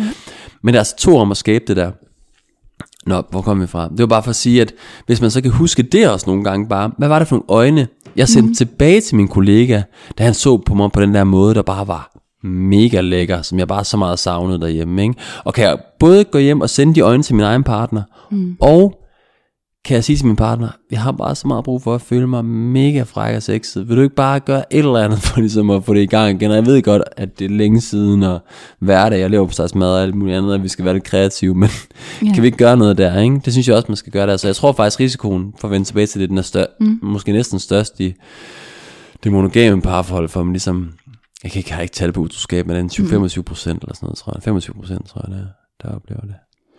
Men det er jo svært, øh, når man, altså jeg tænker også netop over på arbejdet, fordi der er man hele tiden eksponeret. Og det jeg snakker om, det er jo at begrænse eksponeringen for det menneske, som man, hvor man måske mærker, Ja. at hjertet slår lidt hurtigere, end det egentlig bør, når, Ja. når, når man ikke er inden for relationen. Ikke? Ja. Øhm, så hvad gør man egentlig der? Skal man skifte job, eller... Fordi du spurgte selv, det der, skal man gå efter den? Og jeg Ja, elsker, når de uh. snakker om det i masser af monopolet, ikke? Ja. Fordi det er sådan, hvornår skal man egentlig gå efter den, og hvornår skal man lade den ligge? Ja, det er et sygt godt spørgsmål. Men jeg synes bare, at rigtig mange af dem, jeg snakker med, de har ikke fået lov til at give deres eget parforhold en ordentlig chance. Altså mm. før de går efter den. Mm. Og det synes jeg er rigtig ærgerligt. Altså jeg synes, man skal starte med, at for det første skal man starte med at finde ud af, okay, det er en forelskelse det her. Hvad er det ved vedkommende, jeg bliver så draget af? Er det hans beslutsomhed? Er det hendes øh, sådan lette måde at tage de der ting, øh, problemer til møderne på? Eller, altså finde ud af, hvad er det? Og så først og fremmest gøre sit eget indre arbejde og mærke, er der nogle af de her ting, som jeg ikke selv gør i mit eget liv? Er det noget, jeg selv savner at komme i kontakt med at gøre mere af? Det, som jeg mærker over hos den anden. Mm. Det er det første. Det andet er så at prøve at sige, hvad kan jeg gøre derhjemme for at bringe den energi i spil, altså som er imellem os to? Altså hvad kan jeg Ja. personligt gøre, i stedet for at gå og vente på, at min partner gør det? Der er nogle ting, en masse ting der, man kan gøre jo, for at få gang i det. Det tror jeg, man skal gøre. Og så, så er der klart, så er der også forhold, når man har gjort alle de der ting, som stadigvæk bare viser sig, det, det er bare dødt det her. Vi har såret hinanden for mange gange, eller der er, det, det, historien er for lang, og vi kan ikke komme tilbage. Inde i mig selv er der slukket. Mm. Nogle gange mærker man jo bare inde i sig selv. Det kan jeg også mærke på folk, der kommer ind hos mig, der er bare slukket, og det er jo svært mm. at sige, hvornår. Altså man kan bare mærke, at der er ikke mere vilje. Altså der er jo steder nogle gange, jeg har ikke lyst. Jeg vil ikke mere. Ikke noget med, jeg kan ikke mere. Jeg vil bare ikke. Altså, selvom man måske godt kunne, hvis man virkelig ville. Ikke? Ja. Altså, og sådan er det jo bare, og det kan man jo ikke sige, det er når. Det er noget, man mærker virkelig efter ind i sig selv at sige, når jeg kigger på dig, så elsker jeg dig bare ikke mere. Mm. Altså, du er en ven for mig et eller andet sted, men jeg holder ikke rigtig af dig som en kæreste. Og det kan man jo godt mærke et eller andet sted, og nogle gange så er man et sted, hvor man bare kan mærke, at der er så meget bøvl imellem os, jeg kan mærke, at jeg holder af dig. Virkelig som en kæreste stadigvæk. Og derfor vil jeg gerne kæmpe for det. Og, så jeg tror igen, altså jeg tror, hvis man virkelig, og så synes jeg, man skal spørge sig selv, også helt dybt, hvor meget fylder børnene i det, og hvor meget fylder han i det. Hvis Ja. ja. man kan sige til sig selv, han er fuldstændig ligegyldig. Den eneste grund til, at jeg vil kæmpe for det her, det er på grund af børnene. Mm. Så tror jeg, det er lange udsigter. Lad mig Ja. ja. sige det på den måde. Ja. Ja. Altså, og det er heller ikke for børnenes skyld jo. Altså, hvis man virkelig altså, har det på den måde. Sådan det synes jeg i hvert fald ikke. Nej, som forældre gider man nok alligevel ikke at se Nogle forældre, præcis, nogle forældre gider du ikke være sammen med. Mm. Eller have, som, eller have er sammen Du har også brug for, de ligesom er glade og trives i det, de er med. Det er ikke fordi, ikke, børn må jo gerne være en motivationsfaktor. Det er Mm. overhovedet ikke, fordi jeg siger, at de ikke må det. Men man skal samtidig kunne sige, at det handler også om dig. Det er også fordi, at hvis de ikke var her, så vil jeg stadigvæk gerne have kæmpet lidt for dig. Altså Ja. det skal stadigvæk være en del af det. Så det er en anden motivationsdel. Ja. Ja. ja, så man skal se at få gjort noget ved det før, før at man mærker, at, at øh, der er slukket på den kontakt der. Hvis man kan, og hvis, man har, hvis der er blevet slukket, så kan man jo også prøve at spørge sig selv, hvad er det? Altså prøv, prøv virkelig at lukke øjnene og forestille sig livet uden partneren. Altså hvad er det, jeg virkelig er glad for at slippe for? Hvad vil være så rart at slippe for lige her? Er der noget, jeg bare virkelig vil synes var mega lækkert? Og, og, og hvad vil jeg være ked af at miste? Mm. Det kan man også spørge sig selv om, og så prøve at mærke, jamen, hvilke stunder er det, jeg vil være ked af at miste med ham? Ja. Det vil ikke være det, det vil ikke være det. Og man kan også, altså, man bliver også nødt til at sige, hvis der ikke er noget længere, jeg vil, hvis der ikke er noget længere imellem os, så må man jo også prøve at spørge, hvad var der i starten? Hvad var det, jeg faldt for hos ham? Mm. Altså, hvad lavede vi i starten sammen? Er der noget af det, vi kunne gøre igen? Er der noget af den kontakt, der vi kan genopleve på en eller anden måde? Altså nogle gange så oplever jeg bare, at folk kommer ind i sådan et åndssvagt retfærdiggørelsesspor, som i hvert fald ikke er hjælpsomt. Og det er, at de begynder hele tiden at tænke, jamen det dur jo alligevel ikke, og det er der også den grund, og den grund, og den grund, og den grund til. Og så får de sådan et negativt mindset, som er sådan særlige, nogle særlige briller, de tager på, kan man sige. Og så opdager de alt det, der er i vejen. Så de mindste ting, og det er også måden, han trækker vejret på, ikke? Det fandt mig også irriterende, ikke? Eller han smasker, han... Hvilket også er træls. Hvilket er sygt træls, u- u- uden tvivl, ikke? Men vi kan på en måde også begynde at opdage det, altså, Ja. eller have, have et særligt fokus på det. Og når vi begynder på det, så begynder vi netop at blive bekræftet i vores egen fortælling, og vi bliver selv en dårligere udgave af os selv, når vi er sammen med ham. Vi kan begynde, og vi opdager heller ikke alle de positive ting, han gør. Vi opdager, opdager ikke, da han lige sådan, du ved, havde tændt det der esterinlys og gjort aftenen lidt hyggeligt og sådan noget, ikke? For det manglede der jo også bare, at han gjorde det, ikke? Eller vi opdager ikke sådan, altså, der er også meget, der er noget taknemmelighed, der også bare fiser ud, ikke? Fordi vi har et særligt sådan mindset, hvor vi er i gang med at retfærdiggøre den beslutning, vi har taget om, vi er på vej væk. Ja. Altså, og så bliver det sådan en selvopfyldende profeti jo i virkeligheden. Og der, det tror jeg også, man skal passe på med, altså at lave de der. Ja. Jamen, jeg kan huske til sidst med min eksmand, der var det sådan, at øhm, når han kom hjem fra arbejde, hvis han så kom ind ad døren, og, og gik ind til mig, for eksempel i køkkenet, og gav mig et kys, mm. med det samme, så var det bare for dårligt, fordi han ikke havde taget skoene af. og hvis han tog skoene af, så var det bare for dårligt, fordi hvorfor, hvad, hvorfor skal han til at tage skoene af? Ja. Er det vigtigste ikke at komme hjem og kysse sin kone? Ja, det er et godt eksempel. Skide godt eksempel. Ej, hvor er det fedt. Der var ingen, han kunne ikke vinde noget Nej, der. jeg kan ikke vinde noget. Nej, jeg var færdig. Jeg var færdig. Ja, Alt var tabt. Ja. Og da jeg indså, Ja. at det var sådan, jeg havde det, at han faktisk ikke kunne gøre noget rigtigt, så Ja. var jeg sådan, okay, men det, Ja. den er jo død. Den er ja. død. Ja. Ja. Øhm, er et tilfredsstillende sexliv nøglen til et godt parforhold, eller er et godt parforhold nøglen til et tilfredsstillende sexliv? Uh, ja, det tror jeg netop ikke, man kan svare på. Jeg tror, jeg nærmest stiller den op sådan, at de to ting hænger jo sammen med hinanden. Ja, det er jo 100 det. procent. Altså, jeg tror ikke, det, det ene forudsætter ikke det andet, og det andet. Altså, jeg havde sådan en mand på et tidspunkt, det ved jeg ikke, om jeg sagde i vores sidste podcast faktisk, men det der med, at øhm, der var sådan en mand, der sagde, at han, øh, han havde, nej, det var hende, det var konen, konen mm. Sagde, at hun havde, eller, hun havde simpelthen haft så meget lyst til sex her for en uge siden, hvor hun bare, og det var lige efter, at, han bare, at faren der, havde haft sådan et gyldent øjeblik med børnene, hvor de bare mm. havde leget sammen. Og han havde været meget nærværende omkring det, og de havde haft en god kontakt og sådan noget. Og hun sagde bare, da jeg så dig i den her farrolle, det havde jeg bare ikke set i et million år, du havde været sådan en far der, du var så fraværende. Mm. Så kunne jeg bare mærke, at jeg havde lyst til dig, og så havde vi sex bagefter, ikke? Mm. Og så kiggede han på hende og sagde, og, altså jeg får meget mere lyst til at være sammen med dig, familien og børnene, når jeg ligesom, efter jeg ligesom har fået Ja, sex, ikke? det det. Og der er ligesom hønnen og ægget i det Ja. der mærkelige, og det er ikke for at gøre det kønsspecifikt, og det kan også være den anden vej rundt og sådan noget. Men, øhm, men det er bare et eksempel på, at det ligesom hænger sammen med hinanden, de to ting. Selvfølgelig gør det det. Altså, så jeg kan ikke sige, at det ene kommer før det andet, men det er helt klart, altså, men, jeg, men det, den måde, jeg arbejder på, det er helt klart meget med at få, få styr på kærligheden først. Altså på en måde få styr på følelserne, og finde nogle gode øjeblikke og forbundetheden imellem dem, og opklare misforståelser, og finde ud af, hvad mente du egentlig, og du vil ikke sove ham og hende, og alt det der, ikke? Mm. For at finde ind til en form for forbundethed imellem dem. Så det gør det meget nemmere, altså både for ham og hende at sige ja til det seksuelle, for nogle gange, hvis den ikke er der, hvis der ikke er den der forbindelse, hvis jeg er vred og sur og sådan noget, så føler jeg på en måde, at det er for sårbart at gå ind i det der rum. Mm. Så jeg oplever ofte, at det er en forudsætning, at der i hvert fald er en eller anden minimumgrad af forbindelse og kontakt og parader, der er lagt ned for mm. at have det seksuelle. Og så er det klart, at når man så har det, så bliver det endnu nemmere, og så har man ligesom, ja, Ja. Ja. Så starter man den gode spiral i stedet for lige den onde. præcis. Ja, lige præcis, ja. Ja. Ja. Afslutningsvis. ja. At hvad, har du sådan et, et her er det ultimative øh, råd til parforholdet og sexlivet?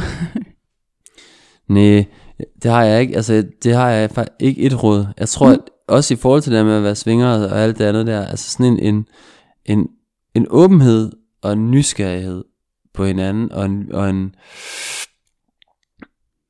og det her med virkelig at prøve at være hos sig selv. Hvad har jeg brug for? Hvad, hvad, hvad har jeg lyst til? Hvad er, hvad bliver jeg ramt over? Hvad bliver jeg ked af det over? I stedet for at gøre det, som mange af os gør, at tænke, at der er noget i vejen med vores partner, når de her ting sker. Altså prøv virkelig at komme hjem til sig selv også i det.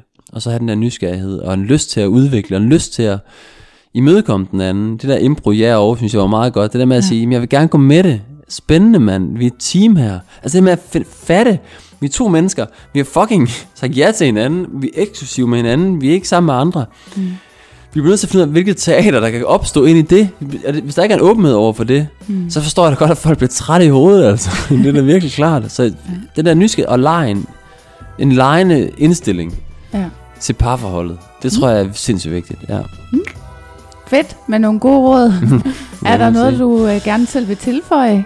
Nu hvor du Mm. har alle mine lyttere i din hule. Nej. Nej, synes, det var en fed, dejlig samtale. Fedt og spændende. Nej, kan jeg har ikke mere. så vil jeg sige tak, fordi jeg måtte komme forbi. Selv tak.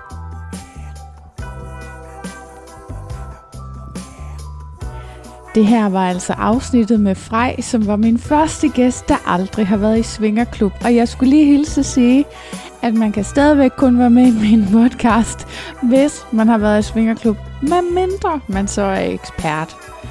Jeg håber, at I alle sammen synes, at det var lige så interessant, som jeg synes.